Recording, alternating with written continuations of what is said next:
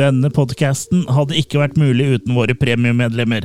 Takk til Sverre Lorentzen, Raymond Caspersen, Linda Olsrud, Pål Frosta, Tage Reitan, Knut Erik Rønningen og Espen Hansrud. Om du også vil støtte oss, gå til attackofthekillercast.com slash gopremium og bli en del av det gode selskap, du også.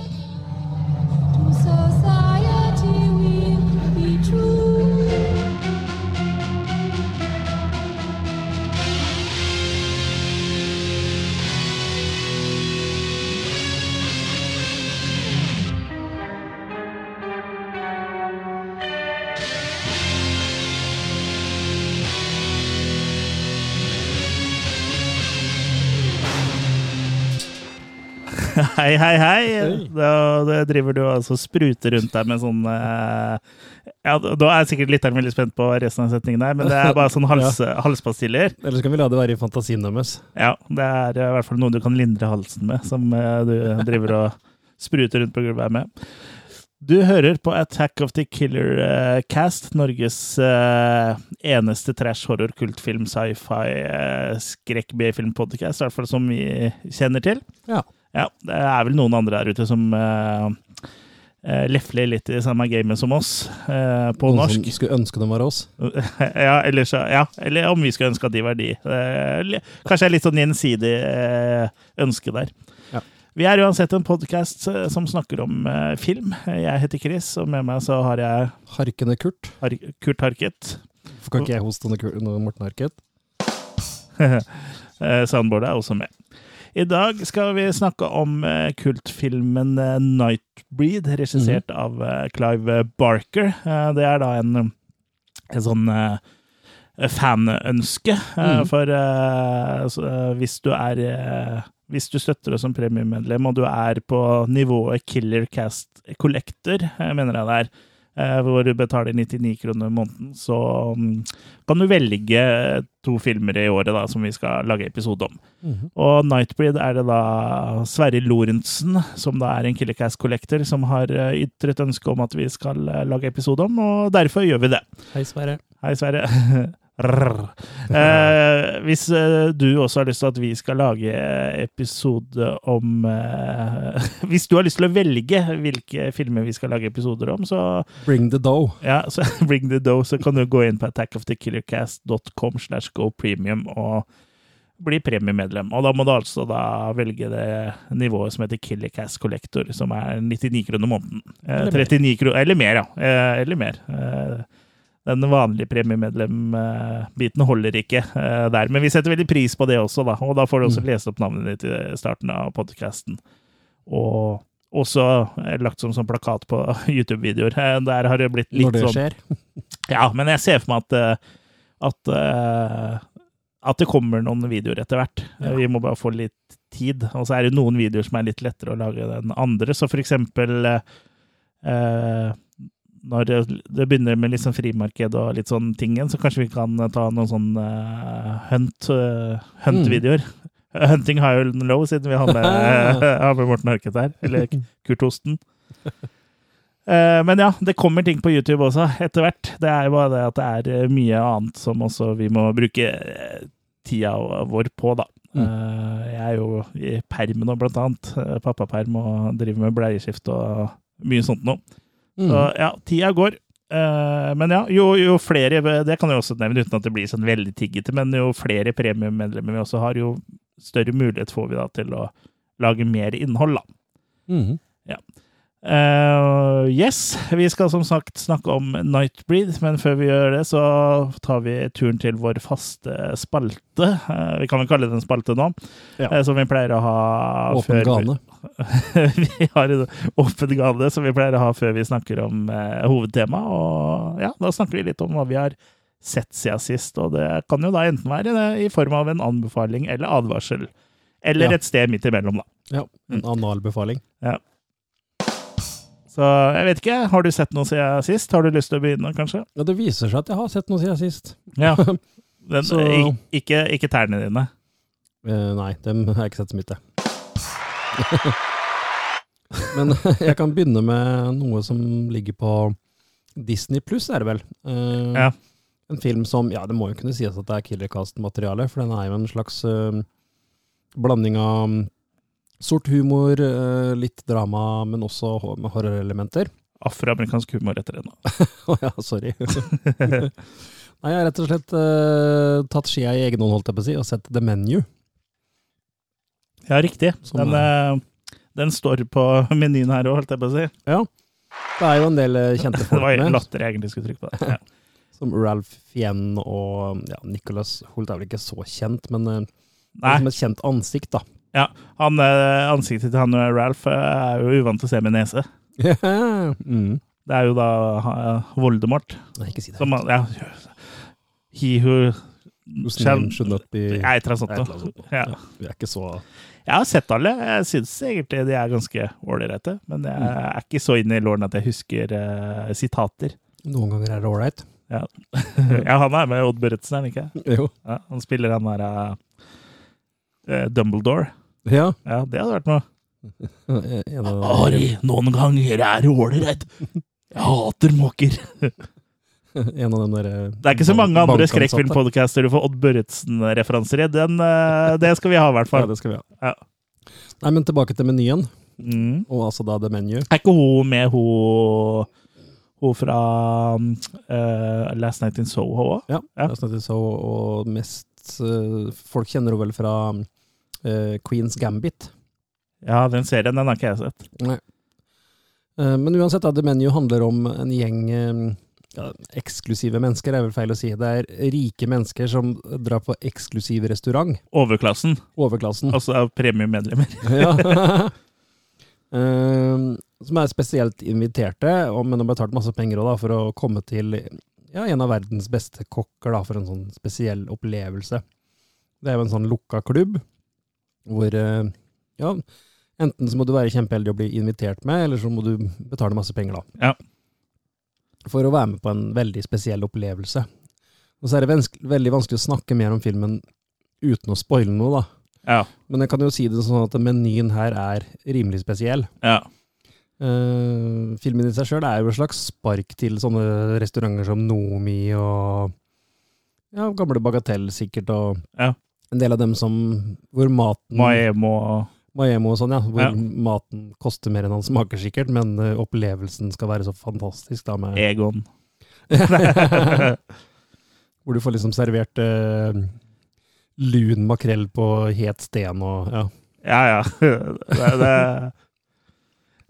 det er en greie med overklassen jeg ikke liksom klarer helt å se for meg at uh, ja, Selv om jeg hadde hatt veldig mye penger, så hadde jo kanskje ikke jeg blitt en del av overklassen sånn med en gang uansett, for jeg hadde jo vært en nyrik eh, type. Men jeg tror liksom da jeg heller hadde gått i biff og blowjobs og, si, og, og cheeseburgers. Hva er gærent med å kjøpe en burger, liksom? Ja. Mm. Ja, men uansett, menyen her er veldig spesiell, og det skal vise seg at den, den eh, inneholder mer enn bare mat, da, ja. på en måte. Ja, igjen, utenom, jeg, jeg må prøve liksom ikke spoile. Nei. Men uh, i det her så kommer det da veldig mye Det blir en kamp om liv og død, ja, tenker på, jeg. Ja, litt, på en måte. Ja. Mm. Hvem uh, Who's next? Mm. Ja. Uh, For det må jo være noe som skjer i og med at det på en måte er en litt sånn horroraktig film. Det er ikke sånn at, at du får uh, makrell i tomat med vaniljesaus på. For det, det i seg sjøl er, er jo horror, men Ja, ikke ikke bra nok som film, kanskje. Nei da, så, så plottet er veldig originalt, da. Uh, og veldig mange twister og sånn som du ikke nødvendigvis ser komme. Uh, så en veldig underholdende film, en veldig annerledes film. Eh, som sagt et manus som eh, leverer noe du ikke har sett før. Mm. Så The Menu eh, er en fornøyelig film, altså. Du sitter liksom og lurer på hva som kommer eh, rundt neste hjørne. Gjør det? Nei, det er jo meg. ja. Jeg ser heldigvis eh, magen din uh, kommer ut gjør det Først. ja, et et par-tre minutter før resten kommer. Altså, men The Menu er å anbefale, så jeg kaster en femmer på den, jeg. Veldig original sak, som jeg sier. Så, Det er såpass, ja. Mm. Mm. Så Disney pluss, få den sett. Eh, jeg kan uh, ta over uh, stafettpinnen, jeg. Jeg Ja, også Takk. Den var tung. Og litt uh, seig. Eh, det her synes jeg, Å snakke sånn syns sikkert bare vi er morsomt, men noen andre der ute syns sikkert det er også litt gøy, da. Ja, Ja, noen betaler for å høre, og så har jeg hørt. ja det er uh, det er ille. Uh, jo, jeg har, uh, den her er ikke tilgjengelig på noen strømmeplattformer sånn, uh, ab hvor du abonnerer, eh, men den er tilgjengelig for leie. da. Ja. Eh, jeg har sett Smile, Smile, you're on candid camera. ja, eh, som da er eh, en eh, skrekkfilm. En mm. uh, slags slasher, kanskje. Jeg vil kanskje kalle det en blanding eh, mellom eh, It Fall, eller av It Follows og The Ring, egentlig. Mm. It follows the ring. Ja. Litt sånn kort om plottet, så er det jo, handler det om dr. Rose Cotter, da, som uh, Hun jobber eh, som ja, skal jeg si, psykiatrisk psykolog på akuttpsykiatrisk, hvor hun da får inn en, em, en pasient som tar selvmord eh, foran henne, og Mm. idet hun gjør det, liksom, så smiler hun eh, sånn helt psycho. Har sikkert sett, folk har sikkert Ja. sett plakater og reklame og sånt, og det er jo veldig sånn creepy smil. Ja. Og etter det, da, så begynner hun liksom å se sånn, folk som står og smiler og, og sånn overalt, liksom, i mørke hjørner, og, og så baller det på seg uten at jeg skal spoile for mye, da.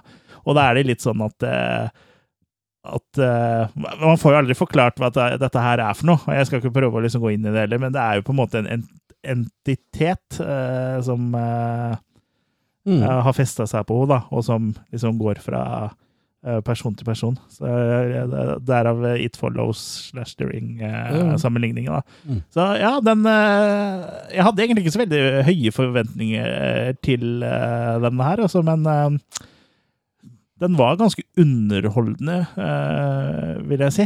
Um, Er ikke det her en av dem som var veldig hypa? Som sånn Ve veldig, veldig hypa. Det er ikke noe mesterverk, men den var liksom sånn eh, eh, interessant, da, og annerledes nok, samtidig som eh, du liksom skjønner hva det eh, går i, da.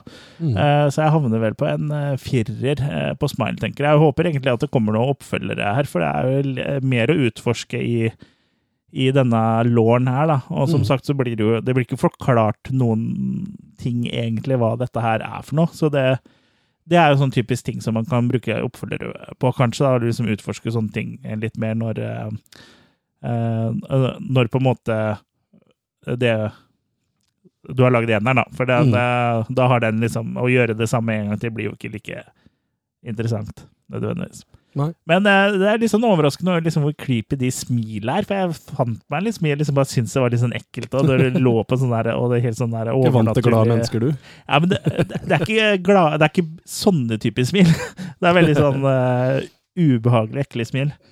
Uh, så ja, jeg anbefaler den for alle som er horrorinteresserte, men det er jo det er ikke noe som sagt, jeg tror ikke det er en sånn superklassiker, liksom, men eh, artig å få med seg, da. Terrifier-klonen er uh, misunnelig på det smilet. Ja, det tror jeg. Mm. Ja, Smilet hans blir liksom, nesten litt sånn søtt i forhold. Nei, men eh, ja uh, da- gir jeg stafettpinnen tilbake til dem. Der var den, ja, ja. Nei, jeg skal tilbake til en, ja, må kalles en semiklassiker, dette her, som jeg av en eller annen merkelig grunn ikke har sett før. Jeg skal tilbake til 1983 og en antologifilm som da heter Twilight Zone The Movie. Eller Ja, på, riktig. på grensen til det ukjente på norsk. Ja, det er vel der hvor uh, det var uh, ei jente som ble halshogd av helikopter under innspillinga og sånn, er det ikke? Ja, to, to barn og én voksen Shit, ass. røk med. Det er to, Toby Hooper, er det ikke? Eh, nei, det var vel Ikke som ble halshogd? John Landis som regisserte den episoden. Ja, riktig. Ja, men Toby Hooper var også med i Twilight Zone The Movie, men lagde en, en av de andre episodene? Uh, nei, det er Joe Dante, John Landis, uh, Steven Spielberg og eh, George ja, Miller. Ja, riktig. Mm. Skjønner ikke hvor jeg får Toby Hooper fra. Kanskje jeg har sklidd over fra et parallelt univers igjen. Ja, kanskje det er på Poltergeist. Jeg tenker sikkert på Poltergeist. Mm. Ja, for der og døde jo hun lille jenta. Ja, Ja, så det ja, ja, ikke veldig lenge etterpå heller. Nei, og rakk å spille inn tre filmer, da. Ja, men nå var fortsatt for too young to die. Ja. Nei, men uh, Twilight Zone The Movie er som sagt da en sånn eh, Det høres ut som i Toilet Zone. toilet zone, ja. Ja, Det hadde vært noe. Det har jeg også vært. Ja, det vil jeg tro. Nei, det er tre forskjellige eh, Det er fire Å, glemte jeg om det er tre eller fire, faktisk. Det er vel tre forskjellige historier. Jeg nevnte ikke fire eh, regissører, men kanskje Steven Ja. Spielberg bare er produsent? Nei da, men jeg tror eh, Åssen var det? Joe Dante lagde den segmentene som er liksom imellom, eller sånn der wraparound, Ja. Wrap-around! Yo, yo. Ja, Nei, vi skal spare dere for uh, det- eh, dårlige eh, Klarte å glemme allerede, liksom. Det er jo fantastisk. Ja, men du er, begynner jo å bli litt eh, dement, gjør du ikke det? Ja, dementkora har ringt. Ja, det, det som går på TV, eller det lokale som han Kai Robert har starta opp? Begge. Begge, ja. Oi. Ettertrakta. Kan velge og vrake. Ja, nei, John Landis har jo ikke Han har laga rapperne, men han laga jo også den episoden hvor det var ulykka som skjedde. Så selvfølgelig er han Det er fire episoder. Fire Fire segmenter, liksom. Ja. Mm. Fire short stories. short stories. Uh, jeg gidder ikke å gå inn på hva de enkelte går ut på. Nei, Eh, ikke gjør det.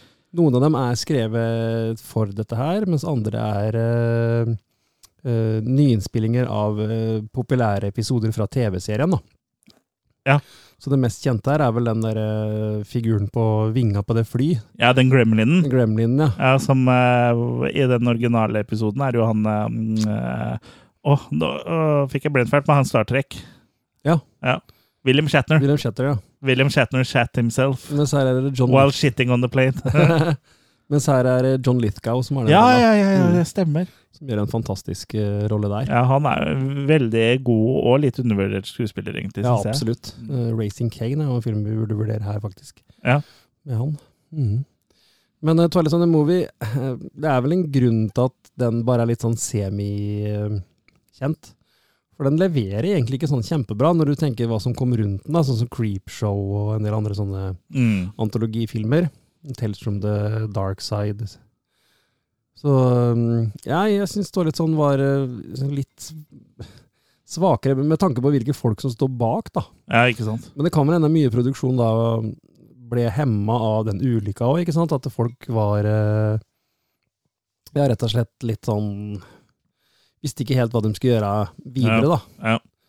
Men uh, så jeg tror kanskje den beste er den der Gremlin on a plane, holdt jeg på å si. ja. Det er vel George Miller som regisserte den episoden. Uh, han som står blant annet bak Mad Max-filmen og sånn. Ja, riktig. Så han kom litt som from the left side her, da, sammen med disse store gutta som Joe Landis og Steven Spielberg og sånn. Ja, Og tok egentlig rotta på alle sammen. ja ikke sant? Så, men det er ikke helt elendig der, det er ikke det jeg sier. Men eh, jeg hadde liksom, Det er ikke Creepshow. Nei, det er ikke i nærheten av Creepshow. Uh, så jeg tenker jeg ruller en litt sterk treer jeg, for Twilight Zone the Movie. Mm. Yep. Men da er det iallfall sett. Ja, og det er, jeg er usikker på om jeg har sett den eller ikke, kjente jeg på nå, men eh, jeg tror liksom jeg har hørt det, men det er i så fall veldig lenge siden. Mm. Ja, jeg har eh, sett eh, også på Disney Pluss, da, men ikke The Menu, men jeg har sett Black Panther Wakanda Forever, eller Wakanda Forever, Wakanda. Wakanda, som jo da Ja, det er jo på en måte Black Panther 2, bare uten Black Panther, for han skuespilleren som eh, spilte Black eh, Panther, døde jo. Oh. Ja, han hadde vel noe kreft eller sånn da han sp spilte inn det første, men han sa det ikke til noen, tror jeg, uten at jeg er helt 100% sikker på det, da. Eh, men ja, eh, det er jo en eh, film i Marvel-universet, og Wakanda er jo en sånn eh, by som har vært eh, by eller land, eller hva vi skal kalle det, en nasjon da, som har vært skjult eh, lenge, og eh, den kom jo fram i lyset i forrige film med Black Panther, da eh, som er en sånn slags eh, supermakt, da, for de er veldig langt framme med teknologi og sånn, eh, og har eh, eh, vibranium, da, som er eh, sånn metall som Den som har det, liksom, på, kan på en måte lage masse våpen og Sånn da. Buttpluggen din er lagd av? Vibratum? Ja, eh, men eh, eh, Så det er jo rift om å liksom få tak i dette, her, men Wakanda vil jo ikke gi fra seg det, fordi de stoler ikke på hva menneskeheten eh, vil gjøre med dette. her. Men det er egentlig bare en sånn bisetning her, for USA, amerikanerne, finner jo um, vibranium et annet sted utenfor Wakanda, og det visste jo ikke de andre eller de Wakanda, i Wakanda at det eksisterte, men det viser seg at der eh, den, eh, det er blitt funnet, så bor det sånn slags avatarfolk. Altså blå folk som bor under vann. da. Mm.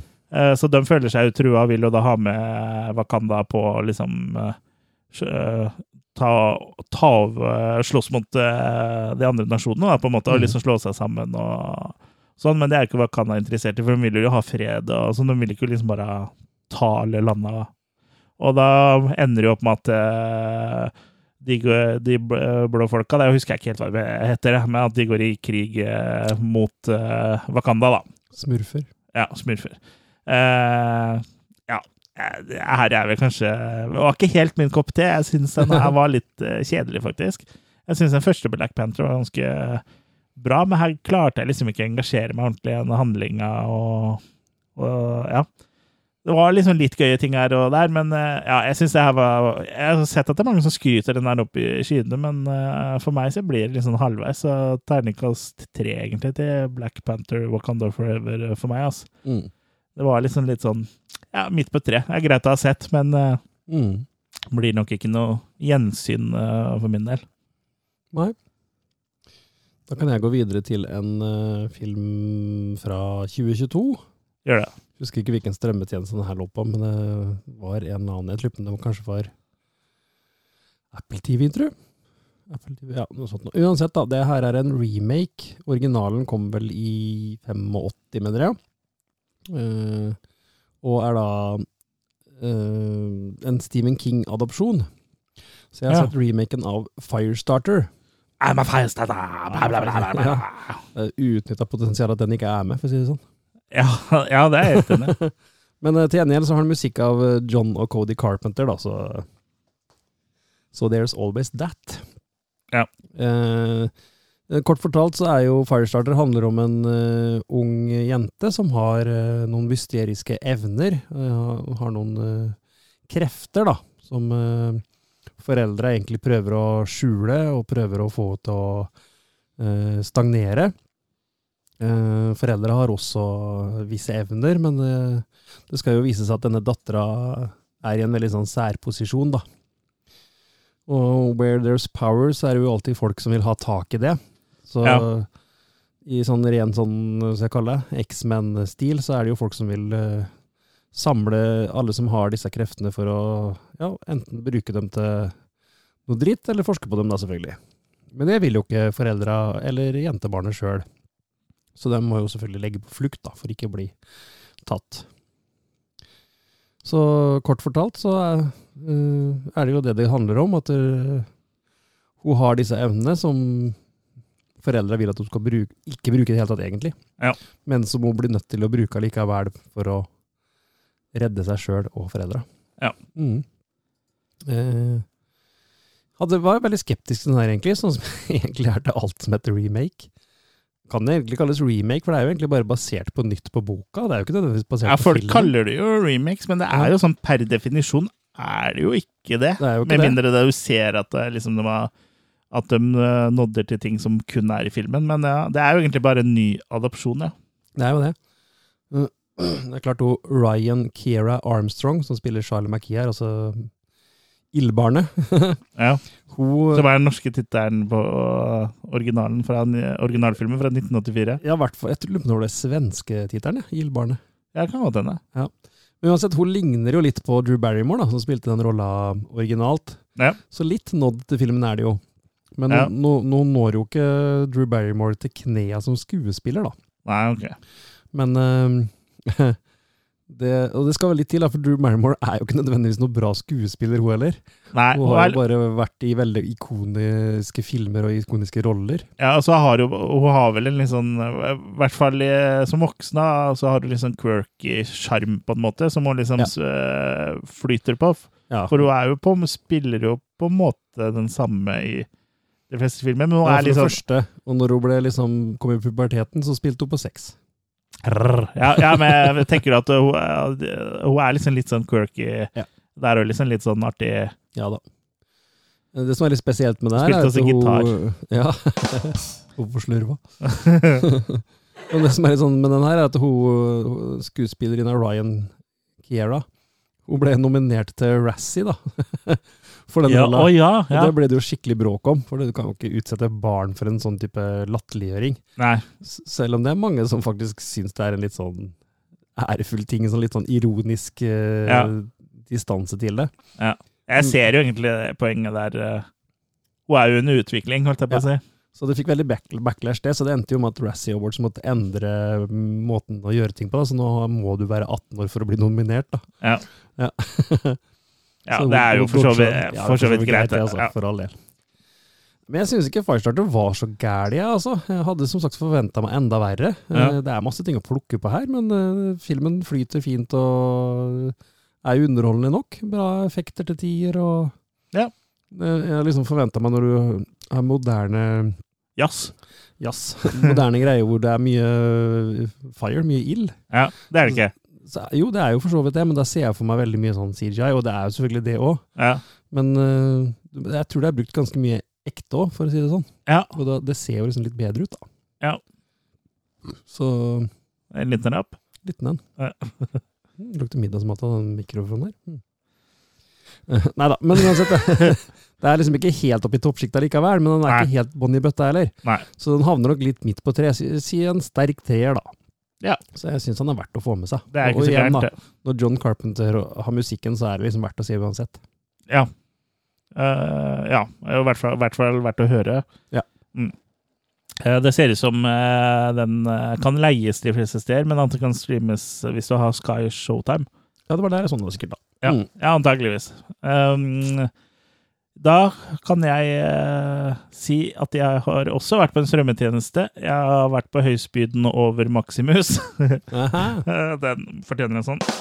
Og sett eh, The Last of Us.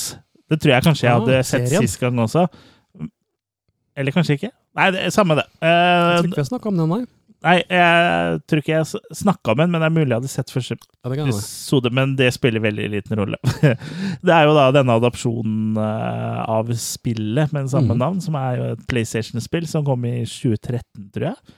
Jeg spilte vel så vidt det spillet, men eh, falt litt ut av det, så mm, ja. Men jeg vurderer å plukke opp det igjen eh, nå, da, fordi, nå som jeg har begynt å se serien. Uansett, i korte trekk så er jo dette en postapokalyptisk verden hvor det er en eh, Det er en slags zombiefilm, eller zombieserie, bare mm. at uh, det er sånn sopp som har tatt, tar over, liksom. En sånn uh, fungus. From, jeg, from your feet to the rest of the world. ja, Eh, som jeg ikke husker helt hva heter om, men jeg så en artikkel i VG eller hvor det var at uh, at det faktisk ikke var umulig at dette kunne skje. Ikke at, at de kontrollerte oss at vi blir sånne monstre som løper rundt, men det er jo en type sopp som eh, Eller jo, kanskje det òg, for det er jo en type sopp som tar over uh, f.eks. insekter og sånn, og liksom styrer de, da. Ja. og den kan bare eh, leve Den kan ikke leve i kropper som er varmere enn 35 grader, eller Ja. det noe sånt. Nå, det er, nå er, ble jeg sikkert arrestert på mye her, men det er sånn, Ja, men det stemmer, det. sånn omtrent der. Du kan ikke overleve i menneskekropper vi er for varme. Ja, Men, men, hvis han vil mutere etter hvert, så kan det hende han ja, og det er nettopp det fordi at uh, klimaet blir varmere, mm. så er det jo ikke unaturlig at dette, denne soppen muterer Mm. seg. Så det her kan faktisk bli realitet. da. Mm. Ikke nødvendigvis at det blir sånn apokalypse og sånn, men eh, det, det tar jo litt tid. da, så jeg spørs om vi får oppleve en ekte zombieapokalypse i vår tid. Men uh, Lov å håpe. det er lov å håpe. Det er Men eh, bare det i seg sjøl at det på en måte ikke er så far-fetched, det var litt interessant, syns jeg. Men nå, nå sklei jeg litt ut, da. Eh, jo, eh, så handlinga er sånn i bunn og grunn at eh, Joel, eh, spilt av, um, av, Pedro ja, av Pedro Pascal. Han øh, skal da frakte ei ung jente som heter Ellie, eh, til Han skal frakte henne tvers over landet, da. Jeg vet jo ikke helt eh, hvor det går, for jeg har jo ikke sett serien er ikke ferdig. Nei. Men eh, grunnen til at eh, han liksom eh, tar seg av henne og frakter henne, er at hun har jo da blitt Uh, ja, Er immun. Og har blitt bitt av den soppen, eller og fått den soppen, da, men hun er immun. Så Mm. de håper jo at de kan lage en kur eh, eh, ved å analysere blodet hennes og sånn. Mm. Altså han prøver å få henne til en lab, da. Eh, eller noe sånt noe. Hun er immun og får ikke sopp i munnen. Helt riktig. Um, så ja, det har vel gått kommet fire episoder så langt. Jeg må jo si at uh, at dette her var veldig bra. Det er jo Det har lenge vært sånn stigma rundt det å liksom lage film og serier av spilladopsjoner, for veldig ofte så blir det jo egentlig ikke det noen forventer seg i det hele tatt. Se blant annet Super Mario-filmen med Bob Hoskins eh, eh, fra eh, ja, tidlig 90-tall, er det vel. Den har jo ikke noe med spillet å gjøre. Nei, nå kommer det tegnefilm. Ja, den ser ut som er litt mer eh, Og der er jo Nintendo inne sjøl og sånn, da. Og jeg tror også at eh, det er jo der litt av problemet ligger med alle disse filmadopsjonene. At de som faktisk har laga spilla, ikke har vært involvert. Det har bare vært solgt noen rettigheter. For eh, sånn som jeg har forstått, eh, så er jo han som har lagd The Last of Us, eh, eh, er jo en av de som skriver The Last of Us-serien også. Mm. Så da blir det jo bra, eh, Ja, og var det ikke sånn litt på i. Walking Dead òg? At skaperne av tegneserien var heavily inne i serien Jo. i starten, iallfall? Jo, det tror jeg. Eh, Det tror jeg. Uh, men eh, ja, uh, The Last of Us Jeg syns det er Det gir det kan, kunne jo liksom fort blitt en sånn uh, overfladisk zombieserie, men det er liksom ikke det. Det er liksom dybde i karakteren, og det er backstory, og uh, Det ble jo spesielt backlash eh, blant uh, den gjengse internettkrigen eh, da episode tre gikk på lufta, fordi det var en hel episode via til to karakterer som da var homofile. Mm. Eh, men det var jo egentlig den beste episoden til nå, Fantastisk. syns jeg, og du har sett den? Ja.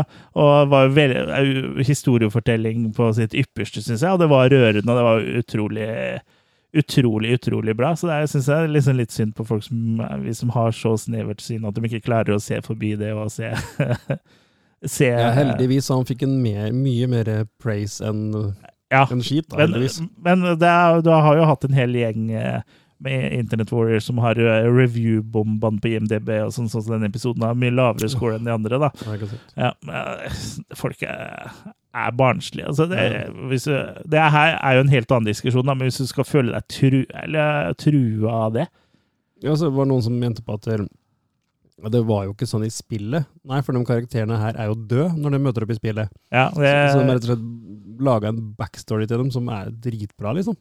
ja, ja Mm. og jeg syns den var dritbra. og Jeg eh, elsker han er Nick eh, Offerman, eh, han skuespilleren. Han er jo i Parks and Rec, som er en utrolig bra komiserie som alle bør sjekke ut. Hvor han spiller legendariske Ron Swanson. Men det her er jo litt annen type rolle, da. Mm. Men ja, jeg syns jo den serien her har levert til de eh, grader så langt. For- for de av dere som ikke eh, tenker at eh, de er homofile i spillet, det er fortsatt to menn som bor eh, sammen. Mm. Alene. Alene. Ja, Forsegl, forskansa seg i sin egen lille, lille by, liksom. ja så Mm. det Det er, er nok store sjanser for at de Mm. egentlig er det, altså. Men det, det, er jo, det er jo liksom noe med det òg, da, at du på en måte kan kjøpe at uh, verden har gått under og sånn, men at det er to homofile som bor i et hus, det blir for mye. Ja. Det blir for teit. Nei, men eh, det handler vel om at folk er usikre på seg sjøl, da vel. Antagelig. Skal det her bli mange sesonger, så må de jo dikte opp en del historier som ikke er med i spillet òg. Ja, og jeg syns jo det er en bra måte å gjøre det på. Følger visst gamet ganske bra, men uh, Ja, jeg har sett en del sånn eh, Nå er det veldig lenge siden jeg spilte, så jeg husker jo ikke noe av dette, men jeg har sett litt sånn sammenligningsvideoer blant annet på TikTok og, Mm. YouTube og sånn, og det er jo ting som er liksom helt eh, henta ut fra spillet. det er fantastiske kulisser og, og sets her. Ja, og her er det nok mye uh, matte painting, i, bare i CGI-form, og det Mm. ser jo utrolig bra ut, da. Mm. Men ja, eh, så langt så uh, syns jeg det her er veldig bra. Det er eh, noe av det beste jeg har sett på lenge, så det er jo soleklar terningkast eh, seks for meg, altså. Ja, jeg er nok på, på femmeren, jeg òg. Jeg syns det er litt sånn pacing issues innimellom her. At det er litt sånn, Men det blir aldri skikkelig kjedelig i det hele tatt. Nei. Det bare kunne vært hakket mer action innimellom, kanskje.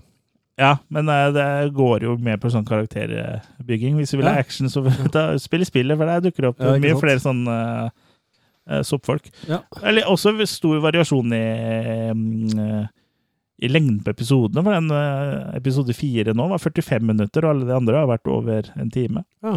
Ja, men det er jo for så vidt greit, det òg, hvis de skal Det er bedre på en måte å fortelle den historien de skal fortelle, Mm. Og så liksom slutte enn å enten dra det ut, eller at det ikke blir en naturlig ja. slutt. Da. Det er det, sånn Stranger Things gjorde i siste sesong òg, det.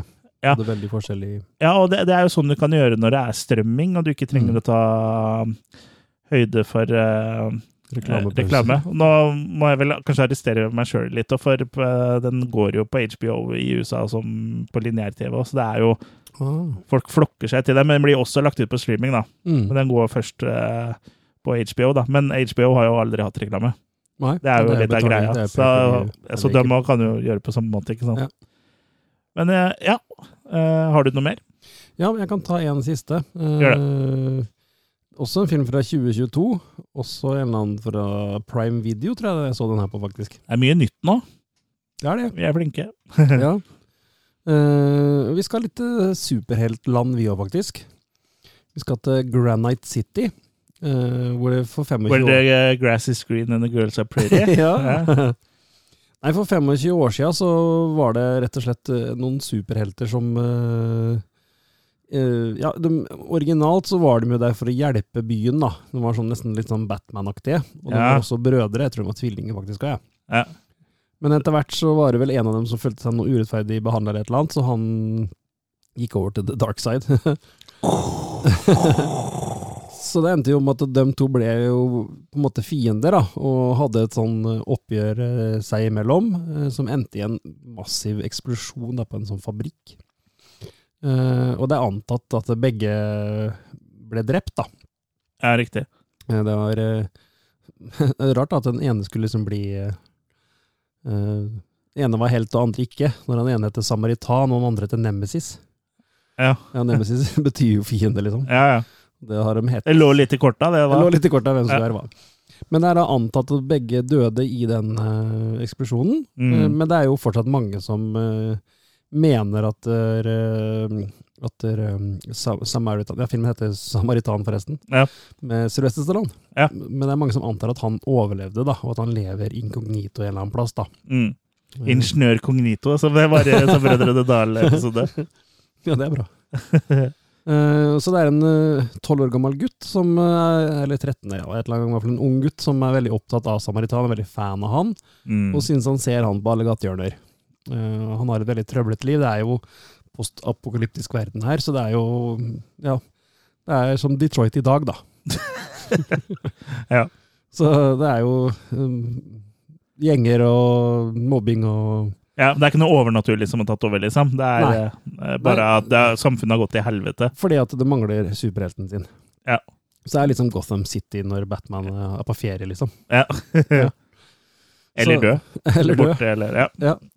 Jeg skjønner. Uh, ja, så det er plottet, da, er selvfølgelig at der, uh, Han tror han finner Samaritan, da. Ja. Og som uh, blir lurt tilbake igjen til eh, Men er han barmhjertig? Ja, det er jo det, da. Ja. Det er jo det jeg ikke skal røpe for mye om her. Ah. Ja. Men uh, Samaritan Sylvester Stallone prøver jo, han er jo da Han blir nå 70 år Ja, over det, nesten. Ja. Men ja. og skal spille ja, aldrende superhelt, liksom. Prøve å være litt ja, han er jo aldrende, da. Ja da, men han skal liksom prøve å være litt sånn relevant da, med en, en sånn type film. Ja. Uh, det fungerer vel sånn passe. Han er 76 år. Ja. Fy faen. Det er liksom, ja, men han, han holder seg godt, altså. Skal, skal ikke, skal ikke stå på det. Nei. Men eh, Det er nok noen operasjoner og noen hairpieces inni ja, det vil jeg tro.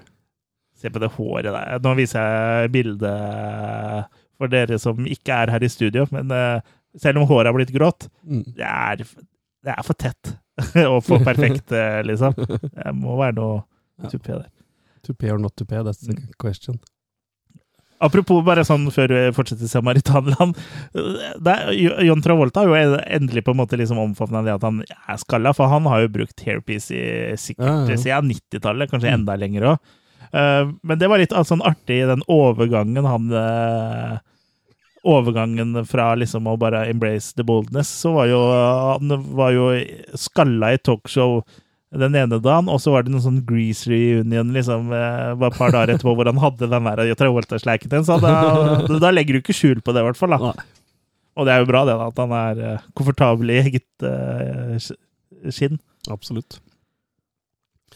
Nei, men uh, Samaritan den leverer ikke sånn helt perfekt. Den er et artig konsept, et sånn Mm. gøy uh, Hva skal jeg si? Sånn Hva slags superheltfilmer er det som faller litt sånn på utsida, som ikke nødvendigvis er med i Hancock eh, med Ja, Will Smith er litt ja, sånn uh... Hancock og Kickass og Ja. Jeg kan vel si at det er litt rann, uh, Nei, det er ikke det, nok humor. Nei. Jeg tenkte på han uh, Han er litt sånn gritty og litt sånn uh, Ikke lyst til å være helt, og det er litt sånn Hancock. Uh, Ja, Ja. sånn type stil. Og så samtidig som han Det er Stallone, så det skal liksom være litt one-liners, og det skal liksom Mm. Ja, det, så det fungerer sånn passe, da. Ja. Uh, igjen, jeg kjeder meg nok ikke noe sted her heller, uh, men jeg syns vel kanskje at der, Den såkalte plot-twisten, den Var ikke så twist. Nei, den skjønte jeg vel ganske så kjapt, egentlig, åssen hvor det her bar hen, da. Ja.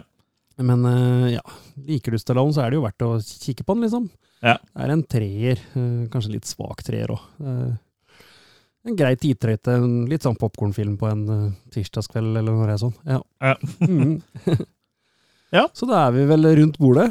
Da Er vi Ja. tilbake der vi starta igjen? Da er vi tilbake der vi starta, og ja, da kan vi vel bare like godt eh, kjøre i gang og snakke om eh, eh, hovedtemaet vårt, som det er Nightbreed. Eh, det er en film jeg ikke hadde noe forhold til fra før, annet enn at jeg har hørt tittelen og på en måte sett eh, coveret, Mm. men jeg hadde ikke sett den eh, før. Eh, og du, Ja, jeg hadde jo sett den. Ja, på VHS, eller? Ja. Som vanlig. I den hårde dager. Ja. Jeg husker ikke om det var noe sånn kjøpefilm fra England, eller om det var han gikk på noen filmnetter eller et eller annet sånt. da. ja, det kan godt tenkes. Ja, så jeg så den den gangen, eh, og mest sannsynlig sett den såkalte theatrical cut den gangen. da. Mm. Mm. Ja, men da er det ikke noe annet å gjøre da, enn å bare dive right in i Nightbreed. It's just down the road at the edge of town. You know you shouldn't go there, especially after dark. Before you've seen a thing, they're all around you. Before you know what's happening, Something's breeding there. it's too late. You can't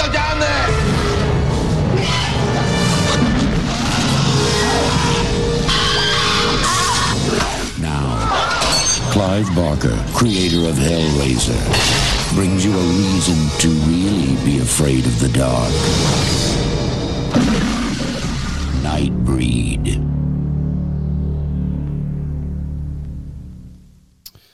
Aaron Boone har mareritt om monstre. Eh, Monstre som lever på en plass eh, som de kaller for Midian. Eh, han går også i terapi hos dr. Philip Decker, spilt av David Cronenberg. Eh, og han virker litt sånn over middels interessert i midjen, han òg, egentlig. Uh, selv om han skal egentlig ta vare på pasientens syke, først og fremst. ja. Og også innbyggerne der uh, er veldig interessa- interessante for dr. Decker, da. Dr. Dobbeldekker. Dobbeldekker. Samtidig så går det også en morder løs i byen deres. En maskert seriemorder som tar for seg. Eh, og under en sånn terapitime så overbeviste doktor Dekker om at det er Boon som er morderen.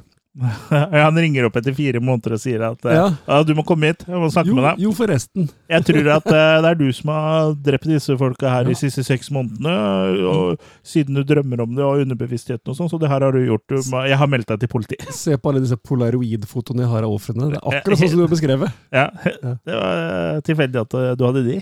Ja. Altså, han prøver å overtale Boon til å overgi seg til politiet, men eh, Boon ønsker å komme til bunns sjøl i den saken her, og ikke ta det for god fisk. Til Boons. Til Boons, ja. Så han bestemmer seg rett og slett for å finne midjen, han da. Eh, Og sjekke ut sjøl hva som er greia. Hva er sannhet, hva er fiksjon, hva er eh, hans eh, mareritt, og hva er virkelighet, rett og slett. Mm. Så der er du plottet sånn kort fortalt. Ja, sånn røffelig, da. Og nå skal jeg huske på å si noe som jeg er altfor dårlig på i denne podkasten, men eh, herfra og ut så er det spoiling, da. Ja. For hvis ikke så har vi jo ikke så mye å snakke om, egentlig. Så hvis du ikke har sett Nightbreed, eller eh, har lyst til å se Nightbreed med friske øyne, så bør du eh, gjøre det før du hører videre, da. Men Forhold hvis du er sjeløyd òg. Ser han på meg? Ser han forbi meg? Han har Ivar med oss øyne. Står på onsdag og ser lørdagen i begge ukene. Ja, det er ikke gærent, det. Ja, eh, jeg kan jo begynne å snakke litt om han eh, Dekker, da. Eh. David- Dekker. Ja, dobbeltdekker. Mm. David Cronenberg spiller jo han, han heter jo Philip K. Dekker. Ja. Som da er en eh, hyllest til eh, Philip K. Dick, som er forfatter av eh, Do Android Stream mm. of Electric Sheep. Aka Blade Runner. Ja, mm. og også da Det er kombinert med da hovedkarakteren i Blade Runner slash Electric Sheep, som heter Decker. Deckard, da. Ja, Mhm. mm. Så ja, litt artig referanse der for de som uh, syns sånt er artig. Ja. Ja, Men han er jo da en veldig rolig og avbalansert type. Han snakker nesten, litt sånn for eh, rolig. Så det er litt sånn psykopattendenser. Han snakker sånn Ja, kanskje du skal ta og melde deg til politiet? Det er liksom eh, eh, Bare det er jo en varsellampe hos meg, da. Men eh, det, Historisk kanadenser. ja. Men ja, tilsynelatende så mistenker du han at Boon står bak disse brutale drapa. Men Mm. det viser seg jo at han Dekker prøver bare å få mistanken over på noen andre, sånn Ja. at ingen skal se på han, da. Eh, For det er jo Dek Dek dekker over noe. Ja. For det er jo Dekker eh, For et navn. Dommedekker. Eh, Det er jo han som står bak morda. Det er jo det. Ja, for han, han lever jo da ut en drøm som en sånn slasher-villen, han eh, rett og slett. Ja, han har jo liksom stjålet looken til han derre Er det The Collector den heter? Ja, som Bare kom mange år etterpå. Men, etterpå sånt, men ja. han, han eh, dekker da sikkert eh, en eh, time machine som han setter seg i. Mm. Men ja, eh, han eh, vi- For vi ser jo eh, i hvert fall eh, i hvert fall ett av killsa, holdt jeg på å si, til han eh, Dekker, hvor han hadde dreper en, eh, en familie. Litt usikker på om han knerter unge, men han dreper fall mor og far. Eh, Mm. hvis han dreper ungen, så er det offscreen. Ja. Jeg husker ikke om det nevnes men eh, Uansett. eh, eh, den maska, da, den minner jo som sagt om den maska i Collector-filmene. Eh, Men forskjellen er at han har, liksom, han har knapper da, der hvor det er øyer. Ja. Eller hvor øya skal være. Så jeg lurer litt på hvordan han ser ut. Det må jo være gjennom knappehullet, da. det må det. Han ser jo knapt, da. Men uh, også har den uh, glidelås der munnen skal være. Litt sånn på skjeve. Litt sånn uh, Jeg er litt, litt Ja. skjevt smil. Ja. Jeg er dårlig, jeg sitter latteren løst. Og har du sett traileren som vi spilte av i stad?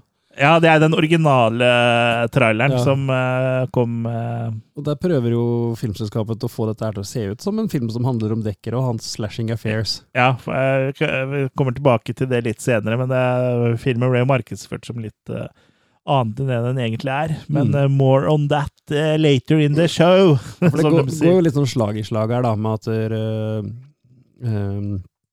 Boone drømmer. Han prøver å stabilisere et eller annet forhold til kjæresten sin. Han uh, ja, får jo beskjeder fra dobbeltdekker. Han eh, Det er liksom frem og tilbake. Ja. Men, men eh, hele poenget er hele eh, Men tror Boone noensinne liksom på om at han eh, Ja, Boone er en karakter som er litt vanskelig å få tak på, egentlig. Ja, Jeg synes han er litt litt, dårlig litt, utvikla karakterer. litt vag uh, hovedrolle, syns jeg. Uh, Men ja, han eh, Dekker, da. Han er jo liksom for kicka og drepe folk også, og pinne pasientene sine, så han er jo en skikkelig ålreit type, det, da. Ja. Men samtidig så er han jo da veldig opptatt av midjen, da. Ja, Noe som egentlig er litt sånn merkelig. Hvorfor skal han ha så veldig behov for det? ja og så liksom Det jeg ikke skjønner, er at øh, For det, det er jo noe han øh, Boone øh, forteller øh, om øh, at han har drømmer om, men hva er det som får han Dekker til å liksom tenke at dette er et ekte sted? Ja, Ja, det, bare det, sånn- det, eneste er at vi treffer en karakter litt senere òg, når han Boone blir hekta. Ja, Og så blir, eller han blir dopa ned av Dekker, da. ja, Eh, Og så blir han tatt med på et slags sinnssykehus. Eh, Ja. og Der er jo en til også, som prater veldig mye om med midjen. Ja så kanskje han rett og slett har hørt det fra andre pasienter. Ja, for han andre pasienten der også er jo også en som han har pinna noen drap på. Han, eh, så, så det er veldig rart, da, at liksom politiet på en måte ikke eh, ser connection på at For det finnes jo sikkert også flere pasienter som han dekker har som har, er Mm. drapsmenn. Liksom, kanskje vi Mm. skal begynne å se på denne psykologen som eh, Ja. angir alle pasientene sine som drapsmenn. Ja. For alle pasientene hans kan jo ikke være drapsmenn.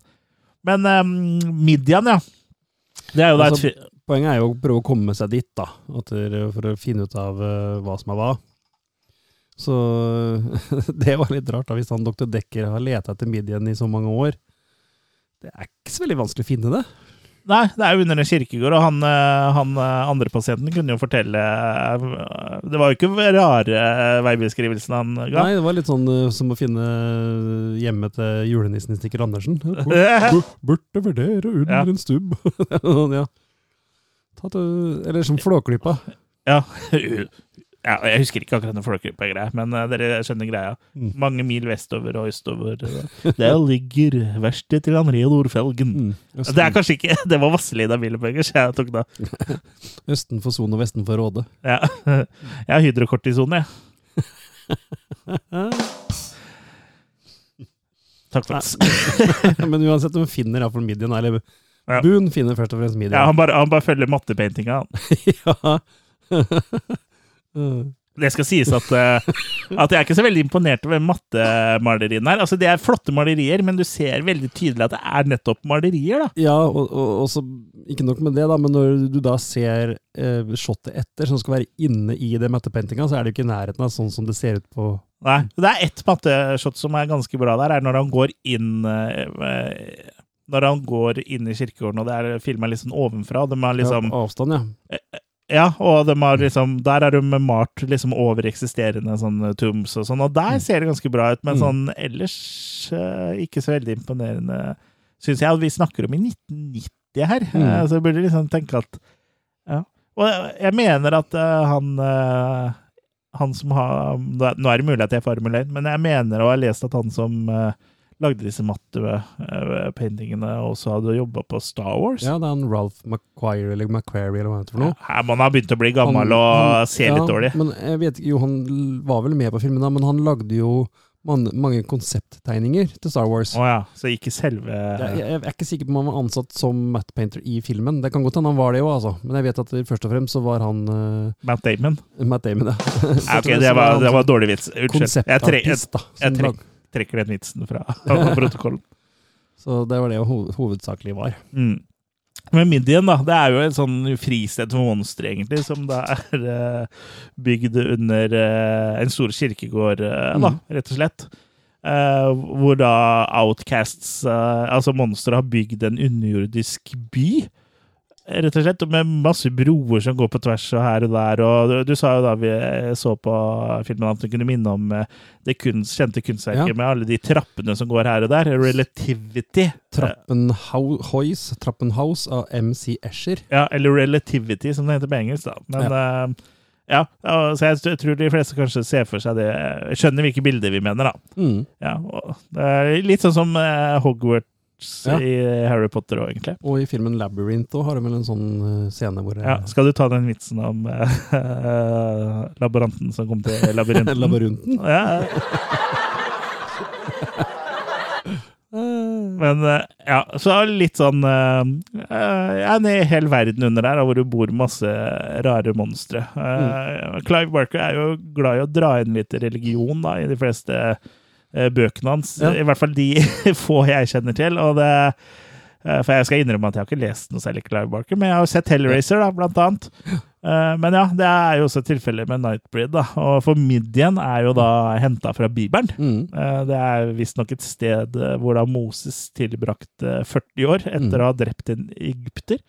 Så han var jo i Midian fra, 40 til, eh, fra han var 40 til han ble 80 år. Mm. Og det er jo visstnok også der hvor han da hadde en samtale med Gud da gjennom eh, den brennende busken, som uh, sikkert folk uh, kjenner til. Jeg regner med at uh, de fleste av våre lyttere er godt kjent med Ja. sin bibel. Og fikk beskjed der om å gå tilbake og hente sitt folk, da.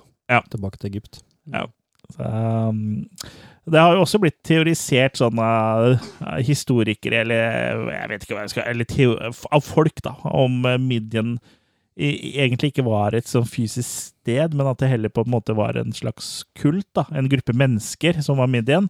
Mm. Og sånn sett så passer jo det også temaet til filmen er liksom at midjen Midian er nødvendigvis ikke sted, men det er liksom den gjengen med outcasts. Da. ja. Um, for uh, de som bor i midjen, da, det er jo da uh, Vi får en sånn eh, forklaring av han uh, sektlederen her om hva som er skjedd, og hva som er grunnen til at de har gått eh, under jorda. Da. Og det er jo at, eh, at de blir jakta på og utrydda av eh, mennesker, rett og Ja. slett. På grunn av misunnelse og ja, ting de ikke forstår, da. Uh, så det her er jo blant annet shapeshifters og vampyrer og, og pinnsvindamer og Tjukke folk òg. tjukke folk, ja. Uh, og det her er da tydeligvis vesener som før i tida da har bodd på overflaten. Altså han Ja. lager en sånn fantasy-verden her. Jeg tenker det er en slags sånn mellomting mellom Freaks Ja. og X-Men. ja. Mm. Så de har liksom blitt eh, eh, tvunget til å gå under jorda da, og bare blitt glemt. Da. Det er jo ingen som vet at eh, de her eksisterer. Da. Så de holder seg liksom borte fra, borte fra folk. Da. Mm. Så, og de er jo Her er vel kanskje litt av styrken i filmen, da, alle den makeup-effektene og sånn som eh, dukker opp der, da. Ja, Vi kan jo snakke litt om eh, monstrene. da. Mm. For de første monstrene som Boone støter på, det er jo han Pellequin. Jeg er litt usikker, eh, på hvordan det Mm. uttales. Spilt av Oliver Parker, som ser ut som en slags ond gin, liksom. À la han i Wishmaster, en sånn demon. Mm. Uh, for han møter jo da han eh, mens han kommer for å lete etter uh, Midian mens uh, han fortsatt lever, da. Ja. Og der møter han jo kanskje en av de mest ikoniske monstrene i filmen, som kanskje er ikonisk av helt feil grunner, spør meg i hvert fall, for han ser ganske teit ut. Kinski. Ja. Og det er en fyr som har et halvmåneforma hode, eh, med hestehale og sånn lite flippskjegg. Og det er Ja. Hvis det er meninga at liksom, eh, disse monstrene skal se skumle ut, så er det dumt å kjøre på han som en av de første monstrene vi ser i filmen. Mm. Ja, men det er vel litt av det det er snakk om her, da. Om, om monstre, er det nødvendigvis at de er så veldig scary, eller er det bare at de er annerledes og, Ja. og ja. Ja, det er jo et godt poeng, da, egentlig. Mm. Uh, men jeg liksom tenker i og med at det liksom er Clive Barker, og det er liksom sånn skrekkfilm Jeg ser for meg liksom Xenobites, og liksom Jeg vet uh, hvordan det kan se ut, og Ja, ja. så, så får jeg halvmånehode, liksom. Så blir jeg litt sånn skuffa, da. Mm. Jeg syns det blir liksom litt che- cheesy. Og jeg syns egentlig sånn felles for de fleste monstrene er egentlig at de ser uh, veldig teite ut. Så det blir mer sånn komisk effekt, da. Og det er jo helt greit, det, liksom. Jeg syns mye sånn komihorror er eh, fett. Mm. Men jeg er litt usikker på om det var meninga at de skal se I hvert fall en del av dem skal se så cheesy ut som de gjør, da. Ja, nei, jeg er nok ikke meninga, det er sånn sett, nei. nei. Men jeg syns jo sånn han Pelukin synes jeg ser ganske kul ut, da. Han er liksom Ja. litt sånn hard eh, ass uh, demon slash gin. Det blir jo ikke forklart hva han er, men er jo Han biter jo Boone i skuldra, og det er jo på en måte Ja, Det virker som han, han er liksom for vanlig, han at han er et vanlig menneske, så han må på en måte gjøres Jeg vet ikke om det er det bittet det er, at du da blir gjort om til uh, Ja, for verdig der, eller blir et slags type Ja. monster sjøl. Det, det er, det er mye som henger i lufta her. Ja. Ja. Det, det er jo kanskje et av flere problemer i filmen her, men Ja, for de mener jo også på at, at mennesker er litt fritt vilt, så de kan spises. Men samtidig så har de også regler, da, for at det ikke Ja. er lov. For de ikke skal bli oppdaga, ja. Ja. Så det er, det var veldig mye sånn this is the law, that is Ja, the law. for, for det er jo sånn leder her da, som bestemmer det, som heter Ja. Dirk Lilesberg. ja, som er spilt av- Doug Bradley. Ja. Pinhead himself. Ja, Det er en gammel, skjeggete mann som ser litt ut som Moses. Han blir til og med Ja. kalt Moses eh, av noen eh, Ja. eh, politifolk slash eh, milits i siste del av filmen. Og han eh, er som sagt gammel, skjeggete mann som ser ut som han har gjeller på sakene. Men Ja. det viser seg at han har øyer, da. Mm. de, for de åpner seg ikke helt før helt på slutten, da han, spoiler alert, dør. Mm -hmm. uh, ja, så han har jo tre se, Åtte øyer totalt, tror jeg det er. Det er Ja. de to vanlige, og så er det tre gjelløyer på hver sjakke. Ja. Men uh, jeg- det Ni, da. Brune øye òg. ja. Så det, Hvis ikke han har tre sånne der. da. så, så blir det litt sånn så fromasjemaskin bak der, liksom. Ja. Men eh, en av de monstrene som jeg syns faktisk er kule, eh, er, i tillegg til Pelle Queen, er hun Shuna Sassy, da. Hvis du husker henne. Pinnsvindama. Pinnsvindama, ja. Det er Mhm. delvis fordi hun er naken hele tida. Vi sier Therese! Og er det som en slags sånn forførerske? Ja, hun Mm. på en måte liksom uh, forfører uh, for, Som vi ser liksom i klimaks eh, eh, på filmen, så mm. når, når, når denne militsen bestående av politifolk og Decker kommer for å ja, bare for å drive dem ut fra um, Midian Mm. og drepe dem, rett og slett, så er, danser de som en slags forførende dans. Mm. Så liksom på en måte gjør at de eh, ja, kanskje blir hypnotisert, eller sånt, nå, og så skyter hun giftige pigger. eh, Mm. altså, hun er jo litt kul, syns jeg. Ja, det er liksom litt sånn artig, da. At det, Ja, og, og der Samme åssen du ser ut, så bare du har titti, så er du forførende. Da, uh... Ja, men det er, det er jo ikke feil. Ja. Jeg syns hun var litt deilig, jeg. Ja, du, du er uh, forført. Jeg er uh, forført. eh, Forfyrer. Ja, Doug Bradley, det kan vi også snakke mer om etterpå, han ble jo faktisk dubba han i den andre, eller første versjonen som kom på kino. Ja. For han skulle høres mer tysk ut. Men du fortalte det aldri til Doug Bradley, da. Så han kommer Nei, ser han- seg sjøl på kino, og så er det en annen stemme. ja, det er kjipt, altså. Mm. Tror du Arne Schwarzenegger fikk beskjed om at han ble dubba i Hercules i New York? Det vet jeg ikke, men uh, det var vel kanskje litt mer sånn, hva skal jeg si Jeg skjønner på en måte hvorfor det er, da. Ja, ja jeg skjønner også hvorfor, men uh, gud, så mye morsommere den blir med ja, lydsporet. uh, Ja, med Arnold. selv, ja. Det var før han eh, lærte seg å forme ord.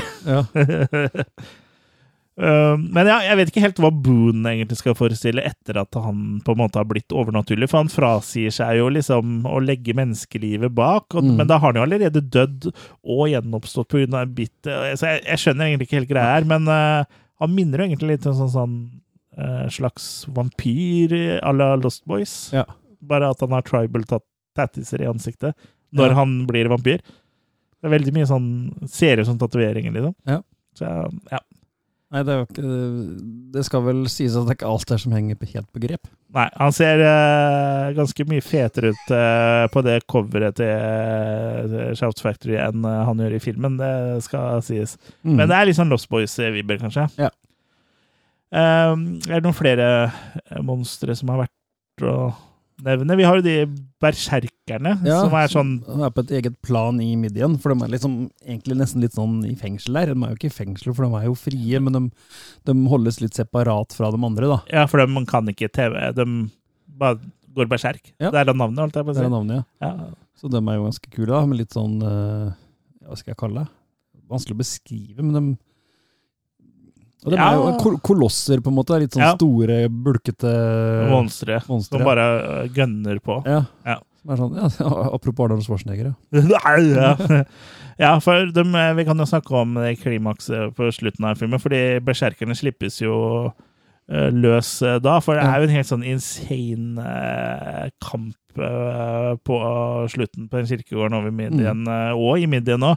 Hvor eh, da Dekker, da, som er besatt på å få drept uh, Boone og de andre Nightbreeds av en eller annen grunn, har tatt med seg politi, og det er Mm. tydeligvis eh, en slags milits eller noe, for dem, de er jo ikke seine om å bare dra på den kirkegården her og få bombe dem til helvete, liksom, Ja, de uten at de liksom- egentlig vet Ja. eh, noe om dem. De bare svarer med ja, sier du det, ja? Er Er er det freaks her? er det freaks her? Dem skal vi drepe. ja Rene Ja. sånn lynsjmobben, ja. Ja, og de har jo med seg liksom nok våpen til å få den gjengse Doomsday Prepper til å få Mm. våte drømmer, for her er det mye granater og hagler og geværer er og det ene med det andre, og det er jo en heseblesende tredjeakt i den filmen her, med det, hvor det eksploderer og det skytes eh, Det blir liksom en sånn actionfilm på slutten. ja. Og så blir du også introdusert for Baphomet, Ja. som er liksom, virker som han er eh, head, helt headhoncho igjen, da. En slags gud, egentlig. Ja, Ja. Og Baphomet i Bi- Bibelen er jo et annet navn for djevelen. Ah, Mm. ja. Hjelpes meg. Ja, skumle saker. Ja, og når du ser han liksom henger der, så kan han jo ligne litt på sånn demonaktig figur. Ja, med litt sånn oksehode, på en måte. Ja. Så der er det noe Hva skal jeg kalle det? Sikkert noen allegorier eller et eller annet som Clive Barker har ment, men som ikke, ja. som ikke helt kommer fram, da. Nei. Nei, det kan vi jo være enige om. Ja, for, eh, for han jo veldig, som blir veldig opptatt av at han skal ha med han og redde han, da. Ja. Når alt annet forgår, så er det liksom om å gjøre å få med seg han, i hvert fall. Ja. Men så er det jo også sånn at det er en eh, profeti, da, eh, som eh, Ja, det, for han Hva heter den? Bahetmot? Nei. Ja, no- Behemoth. Behemoth. Mm. Han um, Baphomet. Baphomet, ja. Baphomet. Men han er en behemot, som er et stort monster. Mm. Uh, han sier jo at det er liksom ifølge profetien at uh, Midian da skal forgå, da. Mm. Og at det da blir Boon uh, sitt eh, ansvar da å liksom finne et nytt Midian. At han er liksom deres Messias, på en måte. Altså, Mm. Ja. Det er jo mye religion som blir blanda inn her. Ja. Ja, og så ser du jo også at det, du ser liksom det som har skjedd fram til nå i filmen, og du ser eh, på sånne malerier, da, og da ser du Mm. Boon uh, og sånn, da. For det har jeg liksom aldri skjønt sånn med sånn type profetier og sånn, at når det da begynner å skje da, det som skal liksom profeteres om, Ja. hvorfor setter du deg på bakbena og prøver å kjempe imot det da? Ja, si det. Hvis Midian skal få gå, ja, men så la det få gå, da. Ja. Det, det skal ja. skje, det. Ja. Hvorfor den krigen i det hele tatt, liksom? Jeg skjønner at folk vil liksom redde skinnet sitt, det er ikke det, men eh, ja det blir liksom litt sånn, ja, blir, ja, det blir sånn count- da. Ja.